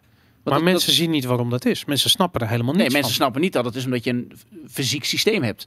Het is niet zo dat, dat de huizenmarkt bestaat niet. Dat is niks. Ik bedoel, een baksteen is een baksteen. De vraag is, met hoeveel lening kun jij die baksteen verzwaren? En dat is afhankelijk van de hoeveelheid geld in het schaduwbankwezen. eh, hoe Ja. laag is de rente? ehm, eh, kan er nog eh, gesecuritiseerd worden? Dus beleggingsproducten maken op basis van die hypotheken. Enzovoort, enzovoort. Nou, als er een centrale bank is die de geldkraan openzet... Ja. waardoor het geld tegen de plinten klotst... ja, dan kun je makkelijker eh, eh, die hypotheekproducten slijten. En, daar, en er is massale immigratie. Een miljoen mensen per tien jaar komt erbij in dit tempo. Dus nou, die nemen die leningen ook wel. Alleen dat maakt dat voor gewone middenklasse beroepen, zoals verplegers, ja, daar ga je dan een verschrikkelijk tekort aan krijgen. En dat kon je allemaal zien aankomen. En eh, zowel dus, dus de Griekse jeugd heeft een investeringstekort en de Nederlandse jeugd heeft een woningtekort. Mhm. En dat neemt echt vormen aan dat, dat, dat je gewoon van sociale ellende kunt spreken. En denk Ja, het je, aantal daklozen is Maar denk je dat dat En wanneer, wordt- ga je, wanneer ga je zeggen, oké, nu is het genoeg? Ik, Maar- ik had toch even, had toch een paar jaar geleden al gekund? maar die problemen worden dan toch met name opgelost, even als advocaat van de duivel, opgelost die central bank digital currency. Kijk, die, die, die huizenmarkt, die bubbel die ontstaat door die dat geldcreatie. moeten? Ja. Nou ja, dat is wat die, wat die Karstens eh, eh, zegt. Je- We, ze kunnen namelijk letterlijk bepalen waar je geld aan uitgeeft. Dus als jij zo meteen met je central bank digital currency eh, denkt een, eh, een huis te kunnen kopen, dan zeggen ze van nou, weet je wat, je krijgt iets meer whatever, social credit of misschien gewoon wel meer geld, whatever, als je het in de reële economie, dus als je er gewoon boodschappen van doet, of Ja. je koopt er een televisie van, of je gaat het gewoon consumeren. ja, het gaat om control. De- de- ja, maar de- wat je dus krijgt, die, die, die, die bubbels ontstaan omdat dat is waar het geld al zit. Dus daar vloeit meer naartoe. Dat is dat Cantillon-effect. Mm. Dus hoe dichter je bij de geldcreatie zit, hoe meer je profiteert. Nou, als jij Ja. een huis hebt, dan profiteer je van geldcreatie, want huizen worden meer waard. Maar wat is nou het grote probleem van die, eh, dat heb ik al altijd begrepen van die eh, eh, gasten die eigenlijk in Brussel willen bepalen hoe die economie eruit ziet. Die bubbels moeten, moeten dat moet genormaliseerd worden. En die inflatie moet, moet geleidelijk over die, eh, ja, over, over die reële economie verdeeld worden. Zodat iedereen tussen aanhalingstekens profiteert. Want niemand profiteert echt natuurlijk. Maar dan lijkt het zo alsof iedereen profiteert van die geldcreatie. Terwijl nu blijft het zitten bij de huizen en bij de aandelenmarkten en, Ja. en dat soort bubbels. En die met die central bank digital currency. En dat doen die Chinezen letterlijk. Ze gaan je gewoon vertellen waar je wel en niet geld kan uitgeven. Dus jij mag niet meer naar de koffieshop en niet meer naar de kroeg. Maar je mag wel eh, een televisie kopen. En eh, bij Als die, als die hier en daar gemaakt is, ja. Weet ik niet. Ehm, zoals ik het net las, dus dat stuk wat ik net noemde, is dat, en dat, dat zie je, men, nogmaals, mensen Google erop als je het niet gelooft. Pardon. Is dat de, er stond, het gaat om de lower bound Ja. van jouw monetary policy transmission. Mhm. De, de rate is gebonden aan een lower bound, Ja. waardoor jouw monetary policy transmission niet meer werkt. Ja. Eh, dat, dat lijkt erop dat die centrale bank eigenlijk wil doorgaan met wat ze al deed. Ja. In plaats van iets anders doen. Dus je wil doorgaan met meer geld bijdrukken, rente verlagen. Hm. Op een gegeven moment kom je bij de psychologisch en praktisch belangrijke grens van nul. Ja. Wordt er verwezen naar een studie van de ECB die zegt: ja, als je dit gaat doen en je gaat verder, dan gaan mensen inderdaad meer geld, contant geld opnemen. Mhm. Dus de toename was van 50 naar 70 miljard per maand. Dus eh, zo- zoiets was het, dus 20 miljard erbij. Staat er ook bij, dat is niet heel veel. Maar dat komt wel omdat je over die lower bound heen gaat. Ja. Nou, dan is de, de logische voorspelling dat als je dan verder door die lower bound heen schiet, Mhm. dus rente nog negatiever maakt, dan doe je dat om door te kunnen gaan met wat je al deed. Zo lees ik het. Ja. Maar dat is, dat is, dat is koffiedik kijken. Dan moeten we in de toekomst gaan, gaan we dit zien. Van wat ga je dus doen met hè, als contant geld eenmaal is afgeschaft Ja. in praktische zin, want daar ga je heen. Maar dat, eh, het interessante is, we weten wat er gebeurt. Want we hebben het gezien in Suriname, in Argentinië, in Venezuela, in Zimbabwe. Wat er gebeurt is dat het, het, het geld gaat niet echt weg. Het wordt letterlijk in kruiwagens naar de bakker eh, gereden. Zometeen digitaal, maar het maakt verder Ja. niet uit. Ehm, wat je ziet is dat mensen gaan andere vormen van geld gebruiken. En op een gegeven moment, het dondert niet meer. In Libanon hoor ik nu dat olijfolie weer populair aan het worden is als betaalmiddel. Omdat ze daar zo last hebben van inflatie. Ja, maar je moet het altijd kunnen omzetten naar de. Hè, er zijn allemaal voorbeelden van uit de klassieke boeken. Ja. Dus de, de sigaretten in, eh, in, eh, in, In de gevangenis. In, in gevangenissen van. eh, krijg- of krijgsgevangenschap en weet ik wat. Maar kijk, in wezen, je moet, je moet eh, jouw olijfolie dan, of je sigaretten, of je, eh, moet je wel kunnen omzetten naar iets waarmee je de meerderheid van je betalingen wel doet. Zeker in de. Maar de- dit is wat ik probeer te zeggen. Ah, Even vanuit het Bitcoin perspectief. Hè. Ik, Ja. bedoel, ik ben niet helemaal onafhankelijk als het om dat onderwerp nee, gaat. dat geeft ook niet. Maar, Maar- allemaal. Dat is Maar, maar, ehm, allemaal eh, gekleurd. ja. Maar toen El Salvador, wat is het, een kleine maand geleden, eh, Bitcoin als wettig betaalmiddel eh, bombardeerde of eh, eh, benoemd heeft. Daar is je exit. Je kunt ten alle tijde naar El Salvador verhuizen en daar eh, eh, een soort van je belasting betalen met die bitcoin die je bij wijze van gekocht hebt voor die eh, weginflaterende euro's eh, die je hier had verdiend. ja. En, en dat, Maar dat, je moet dan wel hier weer iets kunnen kopen. Je, je kon niet meer terug. Dat is het hele ding. En hoe willen ze dat tegengaan? Daar is je coronapaspoort. Daar is je digital ID Ja. waar je zo meteen niet meer het vliegtuig in mag. En iedereen denkt van ik neem een vaccinatie en dan mag ik weer vliegen. Zometeen Nee. mag helemaal niet meer vliegen. Niemand mag meer vliegen. En hoe erger die, die, die, die monetaire crisis wordt in Europa, hoe minder mensen nog het vliegtuig in mogen. Behalve als je een diplomatiek paspoort hebt, dan mag Ja. je wel. En dat is het probleem. Dan mag Kaag wel naar Niger om eh, daar champagne te drinken. zij, eh, zij mag Sorry dat, ik, sorry dat ik het weer... Ik ga het niet meer doen, maar ik vind het zo leuk om...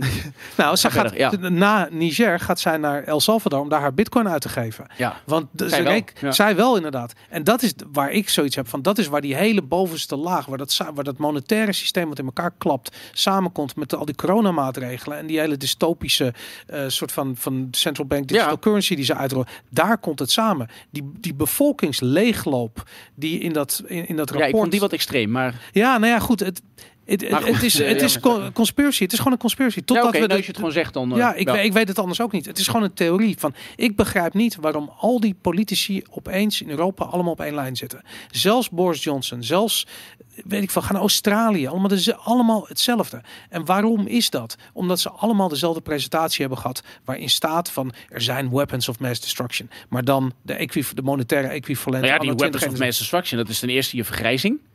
Dat is sowieso, dat, Ja. is, dat is je huizenmarkt en dat is je euro. Ja, ja. En, en, en, en, de eurolanden, daar is het nog extra erg, omdat je daar dat, die, die, die verergen die andere problemen. Ja. Dus, je, dus je, maar je hebt centrale banken die mensen naar de vernieling in helpen. ja. Krijgen ze nog minder kinderen en dan is het demografisch probleem helemaal eh, Ja. eh, ernstig eh, gemaakt. Dus dat zijn, maar dat zijn gewoon bekende gegevens. En dat Ja. is, wordt allemaal out in die open, wordt dat, wordt dat besproken. En je zult dan gewoon naar een, ehm, naar een groot afwaarderen van schulden gaan. En je Ja. kunt niks doen. als het al bijvoorbeeld de Nederlandse huizenmarkt in elkaar klappen. Je kunt ook gewoon al die, obligatie, eh, die obligaties die, die, die uitstaan bij die Zuid-Europese landen, bijvoorbeeld Griekenland. Ja. ja, laat het gewoon klappen. Maar de banken, dan zijn de banken klaar, toch? dan zijn de banken zijn dan klaar. Maar dat betekent dat we de, en dat is waarom de ECB. En dan moet je ze weer redden. Ja. Ja, maar je hebt zometeen met je central bank digital currency direct een rekening courant bij de ECB. ja, dus je hebt die banken ook niet meer nodig. Dus dit gaat nooit gebeuren. Ja, dat is interessant dat het nooit gaat gebeuren. Want als je, kijk, je kunt die banken nooit laten klappen. Als je die. eh, Tenzij en- je maar ze dan moet niet je meer die nodig die, hebt. ehm, ja, maar dan moet je die schulden die erin zitten afwikkelen. Maar en- wat als dat een waardeloze euro blijft zijn? Net als een Weimar eh, Rijksmark, bij wijze van spreken. Dat, maar dan heb je je euro opgeblazen, bij wijze van spreken. maar dat zijn ze toch nu aan het doen? nou, dat zou, maar dat zou je kunnen doen met Bitcoin. Dan ben je dus van je oude munten af, bij wijze van spreken. Maar ze hopen het te doen met de central bank Eh, digital currency. Nee, die central bank digital currency, dat is natuurlijk het excuus straks om te zeggen. eh, Maar wacht even, jij denkt dat dat een euro wordt? Ja, je kunt die. Kijk, waar, waarom zou de ECB een concurrent voor zijn eigen product maken? Maar, daar, ik, zei, maar Ja, dus dat is- one- one- nu snap ik waarom we dit. Maar ik denk namelijk dat dat niet een euro wordt. Ik denk dat net als dat we een euro kregen na de gulden, gaan we nu een digital euro krijgen met een andere wisselkoers. We krijgen een gigantische inflatiecorrectie, net als met de, eh, met de, met de gulden in de tijd. Ik bedoel, we ook twee, wat was het? Een euro was 2,2 gulden. Ja. ja. Dus we, we, eh, iedereen gaat ervan uit dat dat 1 euro wordt, 1 digital euro. Ja. Ik denk dat 1 Ja, euro... doe je de keer vijf, maar dan dat. Kijk, als die verhouding niet. Eh, Kijk, waarom zou, je, waarom zou je een wisselkoers toestaan binnen die digitale en die praktische euro? Dat zou vrij onlogisch zijn. Omdat je de praktische euro gaat afschaffen, Ja. inclusief de schulden die erbij horen. Nee, oké, dan, dan is dat logisch. Maar dan moeten dus. Maar dan, dan, zou die, dan zou je dus wel alle andere digitale munten. Ja. Die moet je dan ook afschaffen. Dus, want je zit nog steeds met dat probleem van die monetary Welke policy munten? De transmission. bitcoin bedoel je? Dan moet je ook bitcoin Ja. ook weg. Ja, Ja, maar, maar dat, dat is toch wat. wat dan ga- dan ga je maar daar dat hoor dus je heen, nu ja. al. Ja. De, de, de, de cyberpandemic, de, de, red zware wol. Wat, wat, eh, Ja. wat hoe heet het? Nee, maar dan, oké, nee, maar dat, dan zijn we dat eens. Dat is dus de, maar dat is de schoonheid. Ja. Even eh, vanuit ondemocratisch punt gedacht. Als je zegt van, nou ja, ehm, je zal bijvoorbeeld een echt een grote reorganisatie van die schulden moeten doen, maar op maar onder centrale regie, waarbij Ja. ik me kan voorstellen waarom je dat zou willen. Uh-huh. Want een ongecontroleerde default, eh, ja, misschien zou ik zelfs daar niet, niet aan durven. Dat, is dus dat gaat vreselijk worden. dat gaat, dan schrik je de tyfus. Ja. Maar die de ongecontroleerde default is dat Deagle-rapport van eh, heel Europa Nee, ja. leeg. Dus dat is een Ja. eh, nachtmerriescenario. Ja, ik ben, kijk, het, de, het, het- ik heb dat eerder ook wel eens gepropageerd dat het wel een goed idee is. Maar ik, ik wil dat, daar toch wel de schoonheid van blijven inzien. Mhm. Dan laat je de pijn neerslaan op de plekken waar die, waar die, waar die, waar die ontstaan is. Ja. Dus als je zegt, nou, bijvoorbeeld huizenprijzen storten in omdat de ECB niet langer dat geld bijdrukt. Ja. En dat gespeculeren is afgelopen, waardoor huizen terugzakken naar de, hun reële prijs. Mhm. Dan, dan worden al die hypotheken die dan op de balansen van Nederlandse banken staan, Ja. die, nog, die op het punt staan om te worden doorverkocht naar pensioenfondsen. Ja, die hypotheken, daar moet dan meer eigen vermogen voor worden aangehouden. Ja. Dat, dat is ook wat die Bank of International Settlements doet. Die maakt daar de regels voor van hoe waardeer je een hypotheek? Eh, hoe moet je dat op je balans opnemen? En Nou, je de- denkt de dat dat helemaal is- klaar ligt natuurlijk. Ze hebben al helemaal uitbedacht hoe dan die great reset van... Ja, dat- maar zij weten, zij weten dat, want de Bank of International Settlements maakt zelf die regels. Ze zeggen nou, als op het moment van aangaan van de hypotheek moet de verstrekkende bank kijken. Wat is de loan to value? Ehm, hè, dus hoe gevaarlijk is deze hypotheek? En dan moet daar een bepaalde hoeveelheid eigen vermogen voor worden aangehouden. Ja. Die, dat sommetje, Mhm. dat is gemaakt in een periode dat men geen rekening hield met krimp. Want er wordt dus gedacht van, ah oké, nee, nu is het veilig en dat huis wordt altijd meer waard. Ja. Ongeacht of mensen wel of niet aflossen. Mhm. Dus ja, nee, dit is de minimal, minimal threshold. Ja. Je voldoet eraan, dus mag voor zoveel in de boeken. Niemand denkt eraan, wat gebeurt er als die woningprijzen dalen? Ja. Stel nou dat je zoveel huizen zou bijbouwen, dat de nood echt wordt geledigd. Dat gaat nooit gebeuren. Want dan zouden de bestaande hypotheken, de bestaande huizenprijzen, die zakken dan, Mhm. terwijl die hypotheek even hoog blijft. Ja. Dan die hele berekening van loan to value bij die banken, die loopt dan scheef en dan zijn die banken overnight failliet. Dat kan. Ja. Dan moeten ze een rapport naar de Nederlandse bank sturen, zeggen ze van oeh, Behalve als de Eh, huizen groen zijn en ze een of andere... eh, exact. Dus dan moet je, moet, je, ja. moet, je, moet je dat dus als excuus gebruiken. Ik Dat, heb wat zou ik gaan doen een, volgens eh, mij. Volgens mij heb ik dat in jou, op Ja. jouw Twitter-feed gelezen. Ja, dat is de, ik heb dat in een filmpje Deutsche Bank deel 5. Kijk dat als je dat zoekt daarop en dan vind je dat. Het is dat hè, dus die banken die maken beleggingsproducten van jouw hypotheek. Ja. Eh, nou, dat feestje is over, omdat we helemaal tot een strot gevuld zitten met, eh, met, met hypotheken. Mhm. Eh, ja, dan moeten we een nieuwe reden bedenken waarom jij eh, nog meer schuld moet nemen. Ja. En dat wordt dan de groene lening. En die wordt dan doorverkocht. En dan krijg je daar weer beleggingsproducten omheen. Die de de- ECB eventueel zou kunnen, zou kunnen opkopen. Maar als je dus teruggaat naar een situatie. Als je zegt, nou oké, je gaat meer huizen bijbouwen. Zodat de, dat de, het aanbod van die huizen stijgt. Ja. Waardoor de vraag zou dalen. Maar dan blijven die hypotheken even hoog. Ja, als je dat doet, dan zijn die banken technisch failliet. Ook Rabobank. Ja. Ik ben ervoor dat je dat moment opzoekt. Want wat er gebeurt als je dus iets anders doet. Als je zegt, nou je gaat het dan achter de schermen een beetje regelen. Hm. eh, wat wij nu, nu eigenlijk bespreken. Dan, dan red je de banken. Maar die schulden kunnen toch nooit meer terugbetaald worden? Nee, kunnen ze ook niet. Maar, dus, maar je kunt dan zeggen van oké, dan gaat die sector gaat klappen en de banken. En Maar dan begin je opnieuw, want dan- dan staan die huizen er nog wel. Dat is het probleem. Als Ja. je een bankier hierover spreekt. Maar wat als je het hele ja, geldsysteem... Laat het klappen, ja. Ja, maar want dat, dat is denk ik wat ze aan het doen Zeg, zijn. zeg ik even uit de heup schietend. Maar met andere woorden, de Great Reset is een fantastisch idee. De central bank digital currency is gewoon niet een goed idee. Nou ja, die, kijk, die Great Reset, dat is een fantastisch idee. Eigenlijk Inderdaad, wat als je Willem Middelkoop al zei. Hè? Wat Willem Willem Middelkoop al zei. Maar dan, maar kijk, wat die, die overheden, die hebben zich al garant gesteld gedurende dat proces Mhm. voor die, eh, voor die banken. De overheden hebben gezegd, als er een bank failliet gaat en dan moet een andere bank, die moet voor dat faillissement opdraaien. Ja. En als ze dat niet kunnen, betaalt Nederland wel. Ja. Er is 4,2 miljard euro voor gereserveerd in de Nederlandse begroting. Ja. Via het Single Resolution Fund van het European Monetary Stability Mechanism. Ooit vond ik dat veel geld. Ja, Nu hebben we 4,2. Ik denk, Ja, druk dat ook maar bij op boeien. ja. Maar ja, kijk, het staat in hoofdstuk 12. Garantieverplichtingen, miljoenennota 2020. Zoek dat Ja. ding gewoon op als je me niet gelooft. En als zo'n bank failliet zou gaan volgens dit systeem wat wij nu bespreken, Ja. dan moet de Nederlandse belastingbetaler alsnog opdraaien. Ja. Dus het feit dat Rutte, eh na dat te hebben besproken met, eh, met Hollande en Macron en eh achtereenvolgens en nu dan en altijd met, met Merkel. Mhm. Zij hebben, zij hebben in ieder geval al besloten van, wij zeggen tegen de financiële markten, als er een bank failliet gaat, dan redt Nederland hem met belastinggeld. ja. En nog storten die koersen in. Vind ik een, Dat is knap, ja. teken. Ja. Ja. Zo ziek zijn die krengen dus. Mhm. Ehm, ik denk niet dat eh, als Rutte akkoord gaat, Rutte en Kaag, want ze zijn het hier helemaal in, in, in eens. Hè? Rutte zegt dan tegen Kaag van, hé, je laat mijn stomme kabinetje toch niet klappen vanwege zo'n toeslagenaffaire met kleine Nederlandertjes. Dat gaan we toch niet doen. En wat mensen met zo'n migratieachtergrondje, ja, die, die, die, die zetten we altijd op posters, want dan lijkt het net alsof we heel inclusief zijn. Maar we zijn met hele andere dingen bezig. We gaan, eh, we gaan, dus daarom moest dat klappen werd ook zo laat uitgesteld dat het geen invloed kon hebben op de verkiezingen. En terwijl er nu gesproken wordt over de formatie, worden al deze dingen achter de schermen Ja. verder doorgetrokken. Dus Kaag en Rutte, dat zijn twee handen op één. eh, eh, dat zijn twee handen op de buik van Timmermans.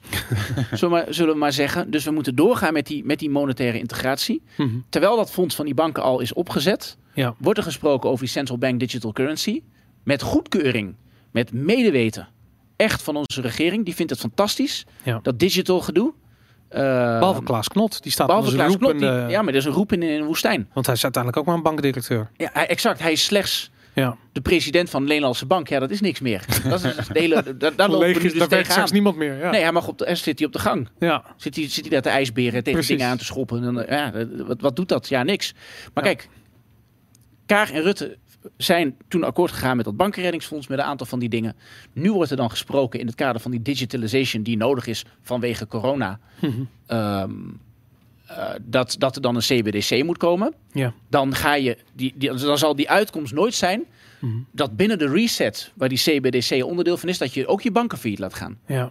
Sterker nog, binnen een 100% digitale omgeving, een CBDC, kun je juist mensen veel makkelijker onteigenen Precies. om banken te redden. Want dan zeg je, nou die, eh, die centrale banken die moeten een stuk van de infrastructuur leveren voor jouw eh, CBDC. Mhm. Dus dan gaat daar de fee van omhoog. Dus dan Behalve ga je meer... dat eh, ze, ze houden geen rekening met het feit wat er nu in China gebeurt, dat mensen het gewoon niet willen en het niet gaan gebruiken. Nee, wat mooi is, als je contant geld eenmaal uitfaseert. En het is, ik denk, wij, wij gaan, we gaan het over tien jaar terugkijken, dit gesprek. Mhm. Ehm, kijk, als je contant geld afschaft Ja. op een gegeven moment. Moet je je voorstellen wat dat is. Dus die hele logistiek eromheen. Nou, die maak je kapot, die sluit je. het is, en je wil eruit. duidelijk. Wat ga, je, wat ga je doen? Maar hoe, hoe kom je weer terug bij contant geld? Bitcoin. Er is letterlijk maar één oplossing. En dat is namelijk een andere vorm van digitaal geld. Wat niet door één centrale partij wordt gerund. En waar geen belasting op kan worden geheven. En wat een, een transactie eh, onherroepelijk is en enigszins private. Bitcoin Ja. heeft al die eigenschappen. Nou, daarom moet bitcoin weg. Da- ik Maar snap dat het. hebben, we al, dat hebben we al besproken, ja. Maar de, de, de, de reden waarom ik denk dat dat niet gaat gebeuren is omdat mensen zo meteen het gaan zien als die nooduitgang. Net als dat ze zo meteen niet meer fysiek op het vliegtuig kunnen stappen om naar Brazilië te gaan. Ik zeg maar wat. Of naar een ander land waar het enigszins nog normaal is gebleven. Ehm, kunnen ze wel, ehm, eh, eh, laat ik zo zeggen, de, het, het domein waar deze strijd zich afspeelt is dat is cyber. Dat is een digitaal domein. Ja. En als jij in Noordoost-Groningen woont, dan zul je niet zoveel last hebben van een fysieke eh, eh, onderdrukking. Maar die digitale onderdrukking die wordt heftiger en heftiger. En die absoluut. mensen, gaan, mensen gaan hem voelen en mensen gaan ook daarvan vluchten in een ander domein. En staat er een gigantische muur van, eh, van cryptografie, waar achter je veilig bent voor de onzin van Europese centrale banken en centrale instellingen. Ja, maar dan is het de vraag in hoeverre die centrale die instellingen dan jou kunnen verpletteren. Nou ja, maar En dat, ik ben en als je al die dingen die je hierover leest Hmm. en ook gewoon hoe centrale banken zich uitlaten. ja. Je hebt zo'n filmpje van Panetta ook van de, van de ECB en die zegt ja nee, dan, dan zegt hij ik heb hier contant geld, maar ik aan de ene kant heeft hij dat geld en dan zegt hij eh, my wallet, but this is my digital wallet. Ja. En, eh, en de, maar de, de- die van de, centra van de centrale bank, dat is de enige die veilig is. Ja. Want wij zijn, de meest veilige, wij zijn het meest veilige in dat systeem. Dan zit hij dus eigenlijk die andere crypto-initiatieven een beetje af te zeiken. Maar er zijn geen andere crypto-initiatieven. Het is alleen maar Bitcoin. En dat is het grappige, dat de, de ja, hoeveelheid... nu nog. Maar dat, maar dat is dus... Hij is, ik bedoel, ik wil maar zeggen... Hij Bitcoin zei is een idee, je kunt het niet verbieden. Dus ik, laten we geen Bitcoin discussiëren. Het gaat me niet om Nee. Bitcoin te, te verdedigen, maar het gaat me erover dat, dat het grappig is dat vanuit... Ik, ik, ik wil niet dat dat zo is, hè. Maar, je- maar je kunt je voorstellen dat als je een monetair systeem hebt... dat jarenlang bezig is ja, om door te rammen in een falend beleid... namelijk het bijdrukken van geld... ja, dus een kredietcrisis oplossen met meer krediet... ja. met vreselijke nevenschade, geen verbetering voor de reële economie. Mhm. Eh, een, een centrale bank die dat doet, tegen Ja. de lower bound aanloopt, vanwege die lower bound draconische maatregelen voorstelt Mhm. en daarom met die CBDC komt. Ja. Ik denk dat een bank die bereid is om dat te doen, Draghi zei het al, I will do whatever it takes to save the euro. Ja. Ik snap niet waarom, dan, dan bestaat het risico, dus volgens mij levensgroot aanwezig, dat bij de set redelijke eh, keuzes die je kunt maken, dat daar ook bitcoin verpletteren bij hoort met geweld. ja, ik ben heel benieuwd hoe dat eruit En dat je gewoon, want dan zeg je gewoon, nou, we verbieden het. En dan, Of je, je formuleert het op een dusdanige wijze dat het, dat het niet overdraagbaar is naar de, naar de maar dat kun je niet dat verbieden. niet, niet omzetbaar is. Ja, maar je kunt servers waar die dingen op staan, kun je. eh, Maar dit is een technisch verhaal. Ik Ja. vertel je met alle liefde waarom ja, dit nee, ik allemaal wil, niet dat, ik, mogelijk ik wil is. dat heel graag. Maar, Ja. als je, maar de, de, de macht van de overheid is ook. Maar ze, ze Ze gaan dat doen. Maar Bitcoin is ontworpen exact voor dat ene doel. En daarom is alle andere cryptocurrency niet relevant. Want Bitcoin is ontworpen voor dit. Die, die, die dikzak die we net zagen, hij is de eindbaas. En dat, is, dat zijn niet mijn woorden. Dat is letterlijk de gedachte Ja, die hij is, binnen hij is die de eindbaas in, het- voor Bitcoin. Want op het moment dat ja, in termen van gaming. Hè? Want je hebt de, de eindbaas in Speltheorie, van, ga- ja. van gaming. En maar je hebt hem ook met ja, in, in studententaal. Nee, inderdaad. Die, hè, Dan die- die dat de eindbaas ja. Ja, goed. ja, Ja, hij, het is op een negatieve anders was manier. je aan het body shamen. Sorry. Nee, inderdaad. Dat was ik al volgens mij. Maar anyways, die, die, die, die, de Bitcoin is ontworpen daarvoor. En, ik, en het bizarre is dat het is bedacht in 2008 toen dit allemaal plaatsvond. Om een probleem op te lossen 20 jaar later. eh, eh, waar we nu druk mee bezig zijn om dat scenario Om dat te scheppen, bereiken. Om te scheppen, ja. Dat, Ja. Kun jij een voorbeeld geven van een probleem wat in de toekomst plaatsvindt, wat in het verleden is opgelost? Een goed voorbeeld, om, ik weet namelijk dat die, die zijn er bijna niet, die voorbeelden. Maar wat bijvoorbeeld de politiek heel graag wil, is dat, dat, met, dat ze dat met klimaat doen. Die zeggen Ja. van, nou, over 50 jaar er staat er 100 meter water in Nederland, whatever. We gaan het nu oplossen door alle bomen om te kappen en in de oven te doen. Ja, Weet je, ik bedoel, ja. je, je, weet- je weet al, dat Ja. gaat niet werken. Corona, exact hetzelfde. Maatregelen die niet werken. Maar hier heb je een groepje eh, eh, ja, techneuten, uitvinders, bedenkers. Die hebben, iets, die hebben niet iets bedacht of uitgevonden, ze hebben iets ontdekt. En wat ze ontdekt hebben is dat eh, eh, eh, je digitale schaarste kunt creëren. En dat is waar ik denk van al die bankiers in, in Europa, die hebben dit nog, dat muntje is allemaal niet gevallen. Jij zegt van ja, ze moeten bitcoin kapot maken. Maar ik denk dat ze zich nog niet eens realiseren dat dat Ja, moet. ik, ik, ik denk, nee, ik zeg niet dat ze het moeten doen. Ik zeg ook niet hoe of en hoe. Maar kijk, bijvoorbeeld, je moet naar een website om, nou, voor jou, om in te loggen met, met jouw digitale wallet. Ja, Maar die website kun je op zwart zetten. Je kunt gewoon een. je eh, Europese digitale wallet bedoel je? ja, Nee, hij bedoelt je wallet van Bitcoin. Oh nee, nee, nee, dat hoeft helemaal niet. Nee. Nee, zo werkt Oké, bitcoin. nou dan vind ik dan. eh, dan geloof ik je nu. Nee, Ik, ik geloof dat als jij zegt onder de huidige omstandigheden met wat wij kunnen voorstellen. eh, maar kijk, als je digitaal, als je iets illegaal verklaart. Mhm. dan is het ertoe oproepen om het te gebruiken is ook, die, is ook, die, eh, Ja, is nou ook ja, crimineel. maar- dus op een gegeven moment is zo'n gesprek als dit is crimineel. Maar Ja, het grappige is, het juist in die, socia socia die sociale, maar in die socialistische eh, eh, eh, eh, eh, landen zag je precies dat. Van er was aan de ene kant, je had de Ja, regels. ze naar die, ja. Ja. maar die regels waren absurd. Niemand hield zich eraan, maar iedereen sprak de taal van het, van het regime. Maar niemand deed het. Dus die, die, die, die, dat ontstaan van die twee werelden, dat zien we letterlijk nu gebeuren in Nederland. Een soort van iedereen eh, neemt de prik, eh, zet zijn mondkapje braaf op in de Nee, supermarkt. je weet aan welke maar- kant ik sta. Ik word eh, met liefde uitgenodigd, zeg ik altijd, door de Bitcoin community. Ik ben altijd heel kritisch over het bestaande geldsysteem, bestaande bankwezen. Ja. Moet dat anders? Ja, moet anders, kan anders, anders eh, enzovoort. Ik, dat is ook de reden waarom jij mij uitnodigt. Eh, inhoudelijk eh, ben ik, eh, weet ik er eigenlijk helemaal niks van, maar als ik bij de Bitcoin mensen word uitgenodigd, vind ik dat veel gezelliger dan bij een. eh, Ze zijn Een oude pos- grootbank. positief zijn. Ja, absoluut. zijn veel positiever naar mij toe. Dat kun je snappen. Als ik naar ING ga of ik heb een, eh, een debat waar, waar ING'ers bij zitten of bitcoiners, ja, dat maakt nogal uit hoe leuk het voor mij is. Dat zul je, Ja. eh, dat, Maar dat, dat zul je gebruiken. Ja. Misschien even los van de, van de Bitcoin-oplossing. Want, ehm, want ik denk wat we allemaal eens zijn, zeg maar, die maatregelen die jij schetst, dat is, was niet de discussie, die gaan gewoon komen. Ze gaan verbieden. Alleen, ik denk nou dat het niet dat je Bitcoin je kan verbieden. strijd. Ja. Maar ja, precies. Maar wat, stel even los van Bitcoin, zij gaan dan die central bank digital currency invoeren. En ze gaan door met hetzelfde monetaire beleid als van daarvoor. En dat kan dan, ja. Maar dat kan, maar dat moet dan ook uiteindelijk toch, want dat was wat je net zei, van het is niet alleen de euro, maar elke fiat munt gaat kapot omdat het een fiat munt is. Zeg maar. Ja. Dus het is geen goudstandaard, het is geen standaard aan ten grondslag.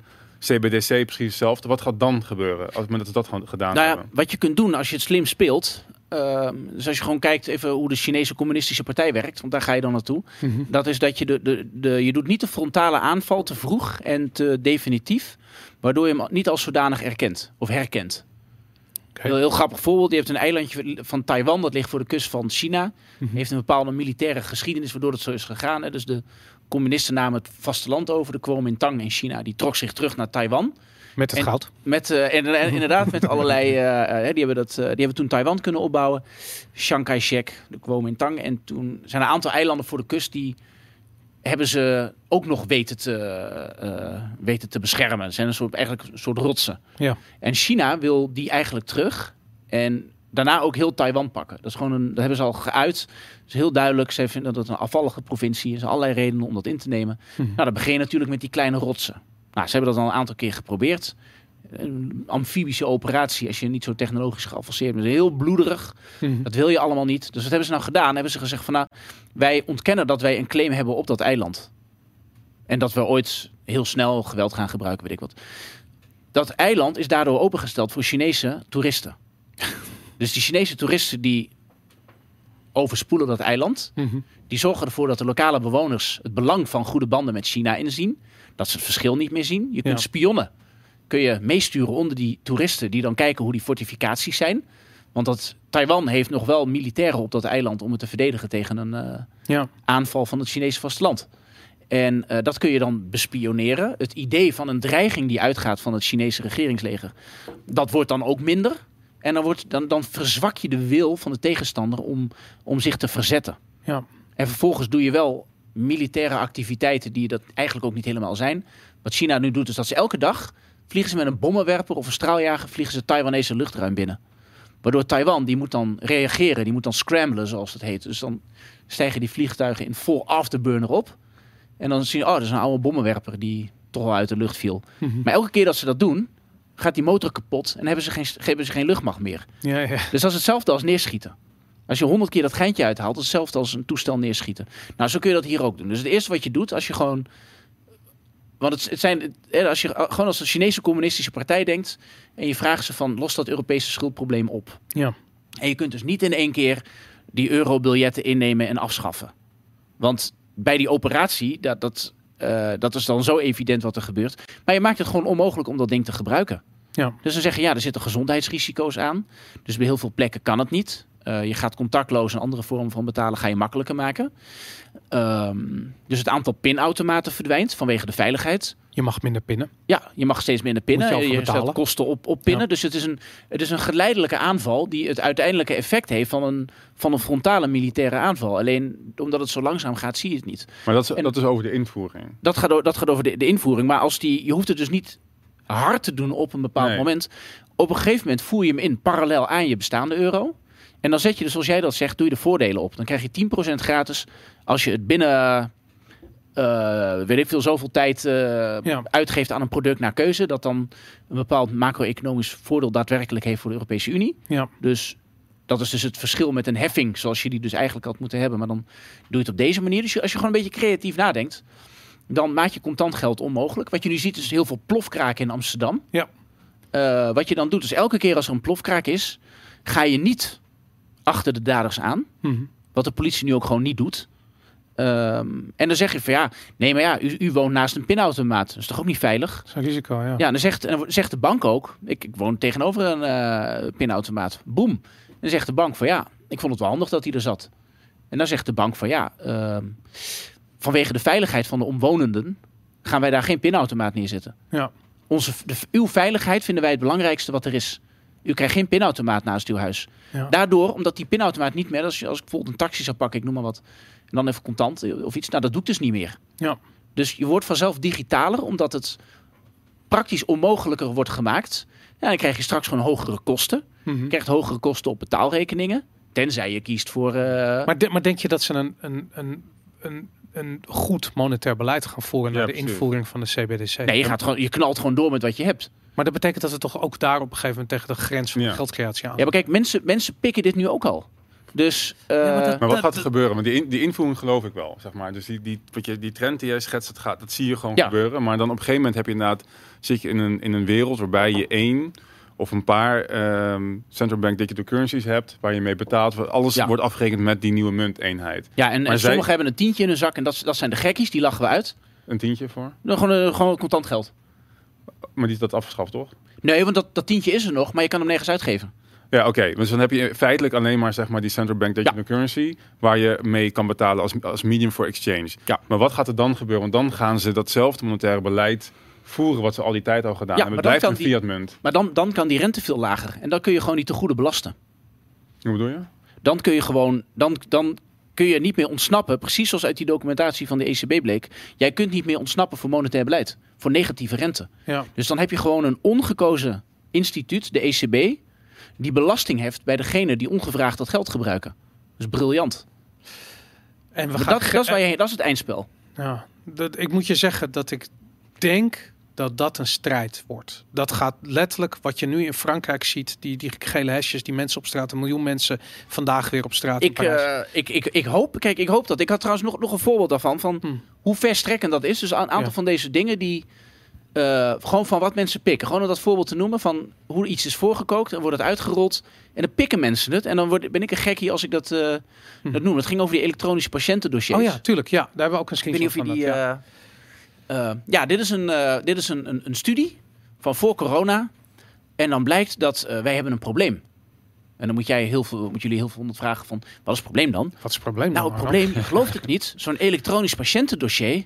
En daar hebben mensen echt last van, gewone mensen. Hè, dus gewone mensen hebben geen last van onbetaalbare huizen of misdaad of hè, een slachtoffer zijn van een, ja. van een belastingdienst, weet ik veel. Nee, ze zeggen. Uh, it is not only citizens that feel the adverse effects resulting from the current lack of interoperability of electronic health record systems across borders. Let op dat zinnetje. Dat heeft Niet alleen de burgers, die, de burgers hebben er helemaal geen last Ja, van. het is not, dus bedrijven hebben dat ook. Maar Ja. kennelijk geldt, hebben burgers, dat is dus wat er staat, hebben last van. The, ex, the absence of a common shared open format at EU, EU level to support interoperability of electronic health record systems increases barrier to open innovation, undermines business opportunities.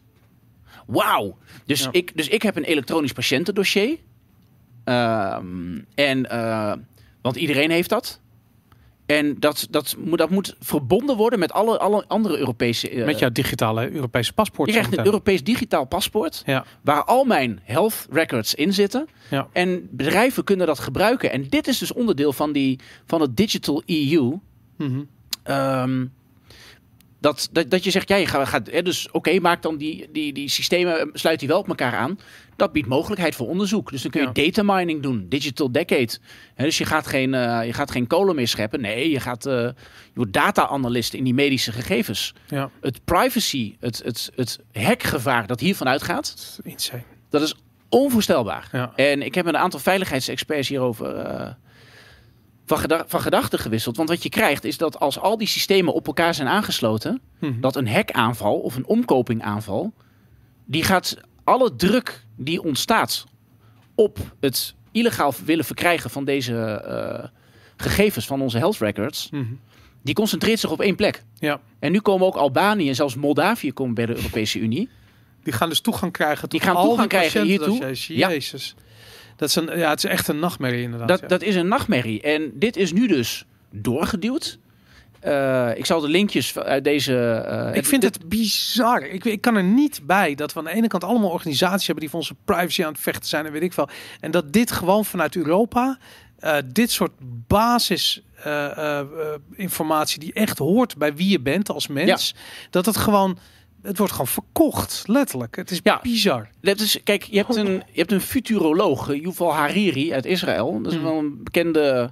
Ja. Die had een keer een speech gehouden, nota bene bij de. Met Mark Rutte, Ja, ook bij de, bij de World Economic Forum. vorig jaar. Waar was hij ook wel kritisch over. Hij zei iets heel moois. Harari hij zei van. eh, ja, Harari, sorry, Ja. Hariri is een. Ja. Die komen uit Libanon.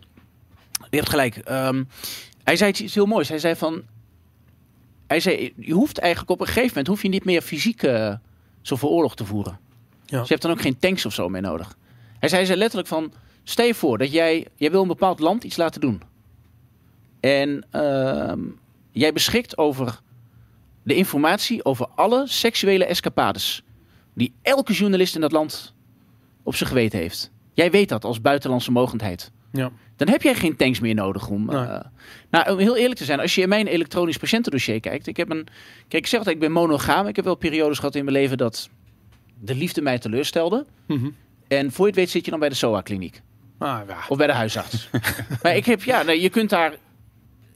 Je, in, in, het, in, het, in, de, in, de, in de analogie van, eh van eh, Yuval Harari. Als je dat kunt hacken van mij. Ja. Ja, kijk, verder staat er niet zoveel in. Ik heb mazzel, ik ben gezond en ik let een beetje op wat je, wat je doet natuurlijk. Maar dan moet je toch niet aan denken dat dat, dat, dat, dat dat beschikbaar komt. En toen dat elektronisch patiëntendossier werd ingevoerd, waren er ook mensen die zich zorgen maakten over de privacy. Mhm. En dat waren dan de gekkies, dat waren de wappies, de complotdenkers. En die stelden zich aan. Ja. Want je snapt toch dat het heel handig is als jij een ongeluk hebt en jij ligt op een operatietafel op de eerste hulp. Dat de dokter niet aan jou hoeft te vragen van hé, hey, eh, wat voor medicijnen gebruik jij? Maar dat die dokter dat met één druk op de knop Ja. op een digitale kaart krijgt. Dat snap ik. Dan is Ja. digitalisatie is goed. Mhm. Alleen er is nooit bij gezegd dat we vervolgens die systemen gaan aansluiten op elk andere lid van de Europese Unie. En daar het systeem van. En dat die systemen hetzelfde moeten zijn. Ja. En dat is nodig omdat we dan economische groei genereren. eh, die, het gevolg, die, die nodig is om de schade te compenseren van een Chinese eh, viruspandemie. Ja.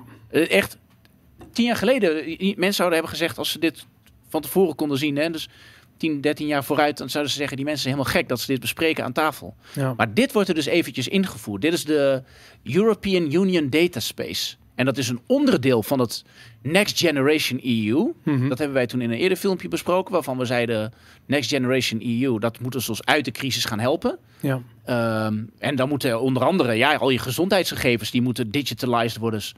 En het document daarvan is ouder dan de coronacrisis zelf. Ja. Ja. En misschien mag ik een voorbeeld noemen van hoe gevaarlijk dit is. Mhm. Kijk, eh, wat, wat ik zei, dus je hebt allemaal hackers. Mhm. Veel Chinese en maar ook heel veel Russische hackers. Die zijn uit op die gegevens. Mhm. Die Russen komen niet met tanks. Nee. Ze, ze jatten je gegevens onder je vandaan. Dus ehm, dat is de reële dreiging, hè? Daar wordt dan niks aan gedaan. Dus het zijn allemaal verzonnen problemen. De- de- de- de- als je zegt, ja, eh, MKB-bedrijven hebben zoveel last van het feit dat ze niet in buitenlandse elektronische patiëntendossiers kunnen. Echt, welk, welk, ik ga nu naar de shawarma-boer. Ja. Ik ga zeggen, last? Ahmed, wat is jouw grootste probleem? Ja. Als hij dit zegt, van nee, ja, weet je, ik, ik wil graag. eh, Maar Ahmed verdient geen eh, Die- die- 100 miljard in vijf Nee, die- jaar. Pfizer ja, wil wel Pfizer, graag weten wat jij doet. dat zijn het. En dat zijn bedrijven die daar gewoon kansen in zien. Ja. En die, die zijn bepaald bepaalde risico's te nemen namens de samenleving. Ja. En de samenleving die dan het risico loopt. Want als hier wat naast mee gebeurt. En als mensen hier op een gegeven moment mee worden geconfronteerd dat, ze, dat er een datalek is. Je kunt, de, je kunt de toekomstige headlines zien. maar over tien jaar of over vijf jaar is het van. Oeh, enorm datalek. Ja. Van, ja, technologie XIZ had, XIZ had moeten voorkomen dat Ja. het datalek mogelijk was. Maar iemand had iets over het hoofd gezien. En nu is er ja, er toch gegevens van, eh, van een half miljard mensen gejat. Ja. Komt door bitcoin, voorstellen- wappies. Komt door, komt door wappies inderdaad. Nee, ja. sorry, maar dan is het te laat. En Ja. Die druk, zoals ik dat noem, en waarom, dit, waarom die, dat uniform maken van die, van die gegevens, waarom dat zo gevaarlijk is. Ik heb dat als eerder genoemd, je hebt het Mal Maltese paspoortenschandaal. Mhm. Dus eh, we hebben een niet functionerend Schengen-verdrag. Waarbij het eigenlijk erop neerkomt dat als jij een paspoort hebt van het ene euroland. dan mag je toegang krijgen tot elk ander euroland. Ja. Dus eh, er zijn mensen die het dan leuk vinden, eh, criminelen. Die dan willen vluchten voor hun eigen land. Die willen dan ergens geld op tafel leggen. en dan hebben ze een paspoort van dat land. En dan moet dat land niet gaan moe- moeilijk gaan doen over. eh, Mhm. ehm, over dat jij niet aan de eisen voldoet. Ja. Nou, wat blijkt nou? Dus dat is Malta. Daar heb je dus een hele grote handel in die paspoorten. Als je een visum wil kopen daarentegen, dan ga je naar Moldavië. Moldavië heeft een associatieverdrag getekend met de Europese Unie. Dat, dat ze visumvrij mogen reizen. Dus nu verkoopt Moldavië paspoorten. Niet omdat je als eh, schimmige eh, buitenlandse ondernemer zo graag Moldavische wijn wil drinken. Dat staat wel op de website. Mhm. De van Moldavië heeft eh bergen, achter- hele mooie bergen. We hebben ja, redelijk lekkere wijn, niet de best van, maar redelijk prima. En, oh ja, en by the way, wij hebben visumvrij reizen met de EU. Ja. Paspoortje kopen. Ja.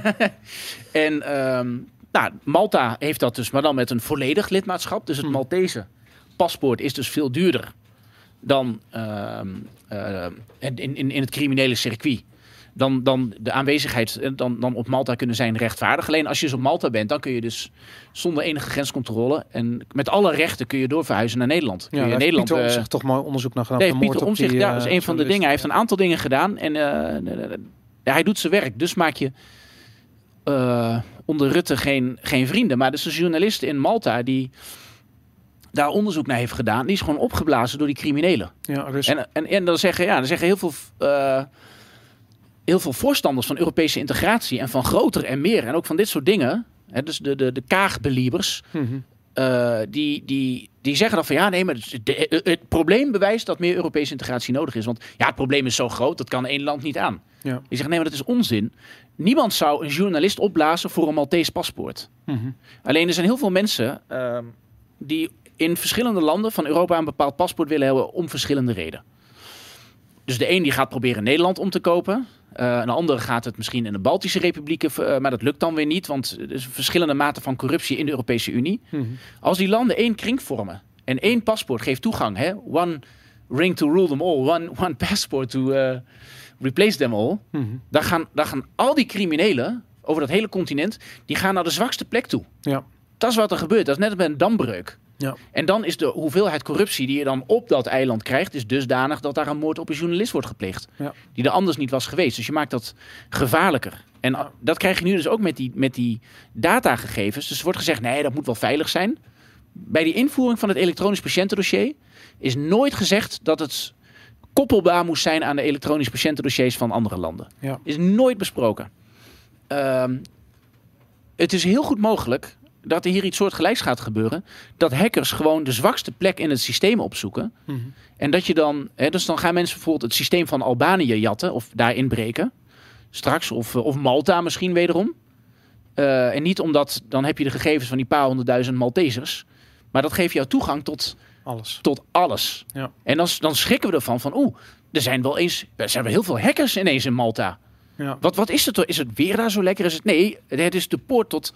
Dus je moet die poort moet nooit de toegang zijn tot, eh, tot, tot zoiets groots. En ik heb het ook die vraag neergelegd bij, eh, bij VWS van. eh, ehm, dus ik, ik zal dat in de gaten houden. Van als ik dit niet wil, ik wil gewoon, ik wil gewoon geen elektronisch Nee, patiëntendossier je, je, hebben. je kunt het laten afschermen. Dat daar geen informatie van jou in wordt opgeslagen. En dat die informatie niet gedeeld mag worden. Nee, dus dan moet je dat, dan moet iedereen dan. dan eh, Dat moet je doen als je dat. En dat geldt als je dit vreest, dan moet je. Ja, geldt ook voor het RIVM trouwens. Daar kun je ook zeggen van je dat, er dat je niet wil dat er data van jou wordt eh, opgeslagen. ergens. nee. Maar ja, als je een coronapaspoort wil hebben, dus als je die app. eh, Dat zul je moeten loslaten. Dat is een keuze die je maakt. Ja. Ja, Ja. dus dan word je op een gegeven moment toch een beetje... Dus het is niet verplicht, maar Ja, je krijgt niet meer een digitaal Europees paspoort zometeen. eh nee. Dat coronapaspoort geloof ik wel, maar dat paspoort is, is een ander verhaal. Nee, zo word je er toch een beetje word je, in, die, in, die, in, die, in, die, Ja. ja, in die richting geduwd. Ik word daar, ik word daar soms ik word, ik word er wel eens een beetje naar van. Dat ik dan denk van... Met een beetje kennis van het verleden. Hè, want ook als jij als individu zegt, ik wil daar niet aan meedoen. Mhm. De overgrote meerderheid van de mensen die... Ook met zo'n corona-app, ik noem maar wat. Die downloaden dat toch. Dat is nu wel duidelijk. en die denken ja. dan toch... En dan zou bijvoorbeeld 99% van Nederland heeft dat dan. Ja. Dat rechtvaardigt nog steeds zo'n hekaanval. En dan krijg je nog steeds daar alle consequenties van. Ja. En eh, ja, dan maak je gewoon een land toch afpersbaar. Dus Ja. daar, daar ga je... Dus ja, mijn SOA-test zullen ze dan niet kunnen inzien. kan je ook de uitslag Je vertellen. Kun je Maar jezelf nog redden. Ja. Je zit er nog, dus het zal wel meegaan. ja, veel zal wel meevallen. Daarom, maar de, ja. de- maar gewoon het, het principe dat je, dat je daar naartoe gaat en dat je zulke stappen zet. En Ja. dat is, wat jij, ja goed, jij vroeg dat in het begin, van waarom ben jij een beetje radicaliseren, aan het radicaliseren. Maar de, als je ziet hoe de Europese Unie en die integratie, eh, dus ik noem dat het euro-evangelie, dat je een enorme stap zet. Ja. Met gigantische consequenties, ver voorbij wat jij nu misschien voor mogelijk houdt. Maar je ziet dat een aantal keren fout gaan. Hè, zoals met die paspoorten. Ja. Hé, er wordt een moord gepleegd. Eh, Oeh, Eh, als je gewoon kijkt naar dat verleden van hoe zo'n proces tot, tot stand komt, wordt een beslissing Mm. gemaakt die veel te snel is. Wordt niet nagedacht redelijkerwijs over consequenties.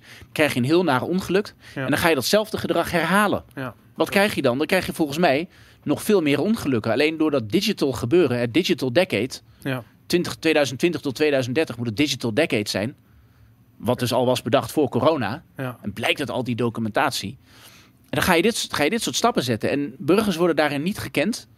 Eh, het, eh, het zijn, en hè, als mensen dan zeggen, ja, ja, dat noem je zeker een staatsgreep van Brussel. Dat is het niet. Mhm. Als Rutte namens Nederland zegt, wij willen niet dat jij dit doet. Dan kan hij gewoon zijn veto gebruiken. Ja, maar Dus de Europese Commissie, die kan niks doen zonder de goedkeuring van alle regeringsleiders. Maar Rutte zijn patiëntendossier is al lang geleden gelekt. Ja, ik ben benieuwd. eh, nou, ik wil weten wat erin staat. Daarom, dus van, dat van hem. dat, wil eh, hij ook niet dat jij dat weet wat erin Nee, staat. dat is, dat is eh, ieder, zijn, ieder zijn privacy, absoluut. En, en ook Rutte. Maar kijk, dat is dus het akelige wat hier gebeurt. Dus Rutte die doet steeds alsof hij op de rem trapt. Ja. Dat hij zegt, ja, ik heb nog geprobeerd de kastanjes uit het vuur te halen. Maar ze waren al... Dat is Ja. niet waar. Dat is niet waar. En zo, zo creëer je de ook...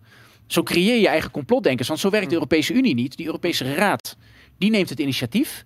Die zegt tegen de eh, Europese Commissie van... jij krijgt geld om banken te redden. Maar migratie mag een teringzooi blijven. En kijk maar wat je doet met dat digitale gebeuren. Ja. Eh, elke keer als Rutte wil, kan hij zijn veto-kaart trekken. Maar hij doet dat niet. Hij bespreekt dat met die Ursula van der Leyen, dat Digital Decade. Mhm. En hij, we hebben de vorige keer ook dat filmpje laten zien van het World Economic Forum. En dan, hij wil dit. Hij, vindt dat ja. dit moet. Hij is ook fan van Harari. Dat Ja. weet ik zeker. Hey, we zijn inmiddels anderhalf uur bezig. Ik denk eigenlijk dat- ja? Eh, Laten we afronden. Want, want ik denk eerlijk gezegd dat dit een, eh, eh, een kant op gaat waar we live eh, verslag van kunnen gaan doen. Want het, We gaan het meemaken. Eh, Daarom, ik heb vandaag al gezien dat eh, ehm, eh, Lagarde heeft gezegd dat de uitrol van de CBDC sneller moet dan die vier jaar die ze eerst genoemd heeft. Ja. Logisch ook, Bitcoin komt eraan en het is allemaal, het stort harder in elkaar dan ze eh, gedacht hadden. Dus eh, er gebeurt veel.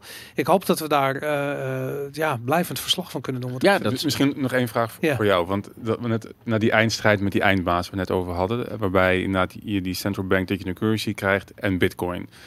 Ja. Nou, ik volgens mij van twee podcasts geleden, op de Bitcoin standaard, zijn er ook mensen, volgens mij hebben we het live er niet over gehad, na de show volgens mij wel, maar die denken dat ook Bitcoin ehm, in dit, deze hele scheme zeg maar, bedacht is door de overheid als een soort van controlled opposition. Omdat alle Hmm. transacties openbaar zijn. Dus ook hier kunnen ze alles zien wat er gebeurt. ja, Wat, volgens mij is het ons, maar ik ben benieuwd, kan jij, wat, wat, wat vind jij daarvan sowieso? Misschien daar Nou, als dat zo is, is dat zo. Kijk, het ding is, dit is open source software. Dus je Ja. kunt bij wijze van spreken gewoon de code downloaden en er doorheen gaan pluizen om te Mhm. kijken wat er gebeurt. Ja, En er zijn al tienduizenden mensen die dat gedaan hebben. Mhm. En er is nog nooit iets ontdekt wat niet klopt. Dus het is heel erg gemonitord. want Het is, alles is open. nee precies. Dus, Dus, wie, wie het bedacht heeft dat we dat nooit zullen weten, is Mhm. eigenlijk niet zo erg.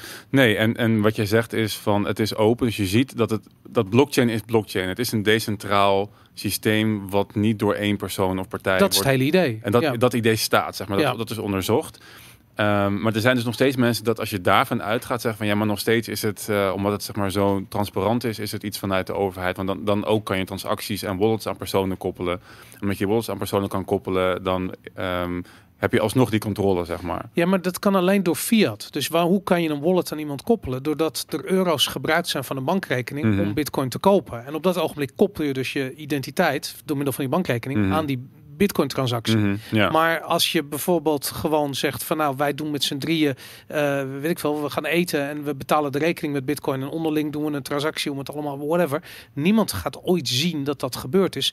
Tenzij er vervolgens eh, die transacties gekoppeld worden aan bankrekeningen. Mhm. En hoe verder we weggaan van die bankrekeningen Mhm. en die central bank digital currencies, hoe moeilijker het wordt om die transacties te koppelen aan echte mensen. Mhm. Tot het moment dat mensen wakker worden en zich realiseren van wacht eens eventjes, dit moeten we helemaal niet willen. Die gaan met elkaar een soort gigantische weerwar van transacties doen, alleen maar om onduidelijkheid te creëren. Ja. Dan op een gegeven moment zijn die bitcoin niet meer te, te herleiden tot eh, natuurlijke ja, personen. precies. en op dat ogenblik is het weer, ja, het is niet anoniem, maar het is pseudo-anoniem eigenlijk. Ja, precies. En, en dat stuk, want dat is net eh, wat ik ook... En, dat wil die meneer niet. Ja. Nee, dat willen ze niet. Dat is, dat is, Nee. Maar dat is waar de crackdown gaat plaatsvinden. Dat ben ik helemaal- Ja. Als er een crackdown komt op Bitcoin, gaat het daar zijn. In, Ja. die, in die hoe gebruik je het en hoe zit Het gaat om met controle, ja. ja, hoe gaat hoe linkt Doe het aan ik- je ja. identiteit? Mhm. Dat soort dingen. Sorry, ja. Ja, maar dus, dus uiteindelijk, ehm, het is een workaround, zeg maar. Dat, maar dat geeft al aan, volgens mij, dat het niet vanuit de overheid komt, want dat is niet te controleren. Zo'n Ja. central bank digital currency is gewoon in handen van de bank. Jij bepaalt het protocol, jij bepaalt de wallet, je bepaalt alles. Maar met blockchain zit het in het, is het protocol is niet voordelig voor iemand die controle wil hebben. En volgens mij dat idee is nog niet geland bij iedereen. Snap je wat ik bedoel? Ja, nee, maar goed, het is uh, conceptueel is Bitcoin ontzettend lastig. Mhm. En het is niet één ding. Het is techniek, het is, Mhm. het is, het is, het is monetair beleid en geschiedenis. Het is, het is uh, psychologie en sociologie van hoe, wat voor rol speelt geld in de samenleving en hoe, hoe vindt adoptie plaats. We hebben nog nooit eerder een asset tot monetaire of monetaire eigenschappen zien krijgen. Ik bedoel, goud, dat, is, dat heeft 10.000 jaar geduurd, weet ik het. Ik bedoel, dat, Ja. dat hebben we niet meegemaakt. Dus de euro zou je misschien kunnen zeggen, maar dat, dat lift voort op een, op een stroming die al bestond. Mhm. En nu zien we dat live gebeuren in 12 jaar met een nieuwe asset. Mhm. En toen El Salvador zei van dit is een wettig betaalmiddel, toen zijn we opeens aangekomen bij het feit dat die eh, de- eigenlijk dat, dat schaarse geheim, want dat is wat Bitcoin is, dus een geheim. Dat dat monetaire eigenschappen krijgt. Dat is bizar. Dat hebben we gewoon, ja, in 12 jaar zijn we daar gekomen. En dat is eh, het interessante van, omdat Bitcoin informatie is. Ik kan jullie 12 woorden opnoemen en bij wijze van spreken niet dat ik het heb, maar 100 miljoen eh, geven door het, door het delen van dat hele waardevolle geheim. Dat is niet anders dat ik zeg van hier buiten staat een boom en dan loop je twee meter naar links en dan graaf je gat en daar ligt voor 100 miljoen aan goud. Mhm. Dat is op het moment dat ik dat met je deel, ben je in feite ook eigenaar van dat geheim Ja. en dus van dat goud. En dat is wat Bitcoin is. Het is een Mhm. geheim, het is informatie.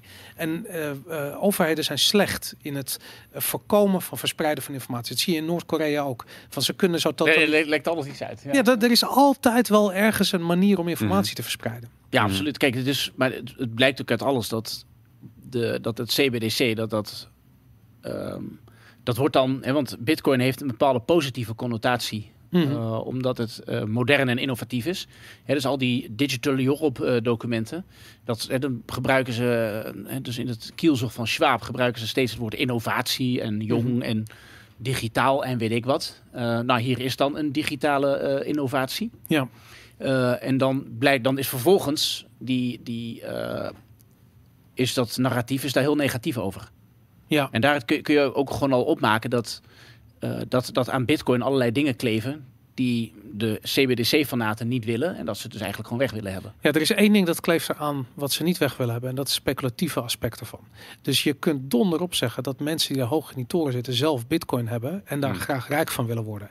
En in die Ja, ja. zin is bitcoin een soort virus. Op het moment dat je ermee besmet bent geraakt, krijg je het niet meer weg. Want Nee. die 200% die het per jaar gemiddeld aan waarde toeneemt, is best wel Je aantrekkelijk. bedoelt dat meneer Augustin Karsten dat hij ook... eh, Die, eh, heeft, die, die, die, die, die zit te horen daar. Die, Ja, dat is gewoon om te kijken hoe dat... die hoe heeft dat, hardware ja. wallets onder zijn jasje. Ja, ja. Niet echt zo dik. Die- oh, ja. Nee, maar kijk, dat is wel, ja, dat, dat, dat is de. ehm, dat, dat is het punt waar je heen gaat. En het geinige is nu ook dat alle dingen die jij noemt, die Bitcoin van zichzelf heeft, maar ook contant geld. Dat rapport van de ECB, dat moet je voor de grap eens downloaden. Ja, ga ik doen. Ehm, dan staat daar dus ook, eh dan staan er ook allemaal eigenschappen die dat moet hebben, de CBDC. Ja. En ehm, dan, dan worden al die punten worden al opgevangen door contant geld of, eh, of Bitcoin. Ja, ze er van ja, het moet ook met een, met een echte digitale munt moet je ook offline een transactie kunnen doen. Ja. Nou, ik kan je nu toch gewoon een tientje geven. Ik bedoel, hè, want stel dat je ergens bent en er is geen 5G-netwerk of zo. Ja, ja. Dat is, dat is wat je dan krijgt. En ehm, Maar dat is precies waarom het niet gaat werken. Mensen snappen, mensen voelen dat wel. ja, mensen snappen precies, wa- ze weten waar- waarom, dat wordt, waarom Ja. dat wordt gedaan. Maar dan, dan zul je dus krijgen dat het contant geld en is dat het nergens meer aan te nemen. Schijnig is ook, ook uit het rapport, er wordt ook genoemd dat, eh, dat CBDC nodig is vanwege klimaatverandering. Ja. Want als jij ja, want, we, want Dat staat... gaat Bitcoin overigens nog wel om zijn oren krijgen. Dat Ja. minen, dat kost allemaal energie. Ja, exact. Dan ga, je dat, dan ga je dat als excuus gebruiken. Want er wordt ook gezegd, ja, contant geld. Dat, eh, wist je dat contant geld gebruiken is hetzelfde als een kilometer met de auto per dag rijden. Ja, ja. Dat En is want, want, jij hoeft dan misschien niet, hè, want maar iemand moet dan, eh, je hebt een geldwagen en die moet dan een deel van jouw geld enzovoort. Dus je kunt dat terugrekenen, de logistiek rondom bankbiljetten en Hmm. munten. Ja. En dan zeg je, nou, dat heeft zoveel dode ijsberen tot gevolg. Dat Ja. mag niet, dus die CBDC heeft dat niet. Net als, Maar de, net als dat, doorheen. dat nog nieuw. Ja, en daarom is eh, deze CBDC heel goed. Dus er is een scenario geschapen. Ja. Van stel dat mensen groen heel belangrijk vinden. Nou, worden ze overdonderd met groen. Nou, dan, dan moet onze nieuwe munt, CBDC, die moet daar en daar dus aan voldoen. Ja. En dat, dat, zo creëer je dus de, de ongevraagde eh, Ja. Nou ja, goed, die, die oorlog... Maar uit alles blijkt dus de agressie tegen bitcoin. Mhm. Daar, in de terminologie rondom die CBDC, dat, dat blijkt. Het mag niet bitcoin worden. Nee. Je, Hmm. Het mag niet worden gezegd, oeh, we hebben een digitale munt nodig. Nou, laat dan de bitcoin mensen eh, met hun creativiteit aan de gang. Maar dat- nee, nee, nee, die willen we niet. Dat zeggen dan ook wel dat, niet een, dat dat initiatief niet vanuit de overheid komt. Nee. Ja, het is eh, fascinerend. Mannen, ze hadden ehm, gewild dat ze het zelf hadden bedacht, denk ik. Ja, we moeten naar de Bitcoin Meetup. Die is Yes. beneden. En die Ja, er is bier, hè? Er is Ja. bier en er is gezelligheid. En we moeten er nu eh, aanwezig zijn, denk ik. Dus, Oei, ik eh, ben met de auto. Ja, jammer. ah, één biertje dan. Eén misschien. biertje. Nee, Een dat is- alcoholvrij... eh, Nee, dan zit ik weer bij de SOA-dokter. oh, nee, geintje. En dan, en dan gaat, dan gaat Bill Gates mijn gegevens weer hacken. Om Dat een nieren aan de Chinees te Dit verkopen. wordt gelijk geanalyseerd, deze video. Ja. Top. Arno, dank voor je komst. Eh, ik hoop snel weer. Anytime. En. Dit Ja. was leuk. Bedankt voor het kijken, bedankt voor het luisteren. Dit was Vivo Valentine.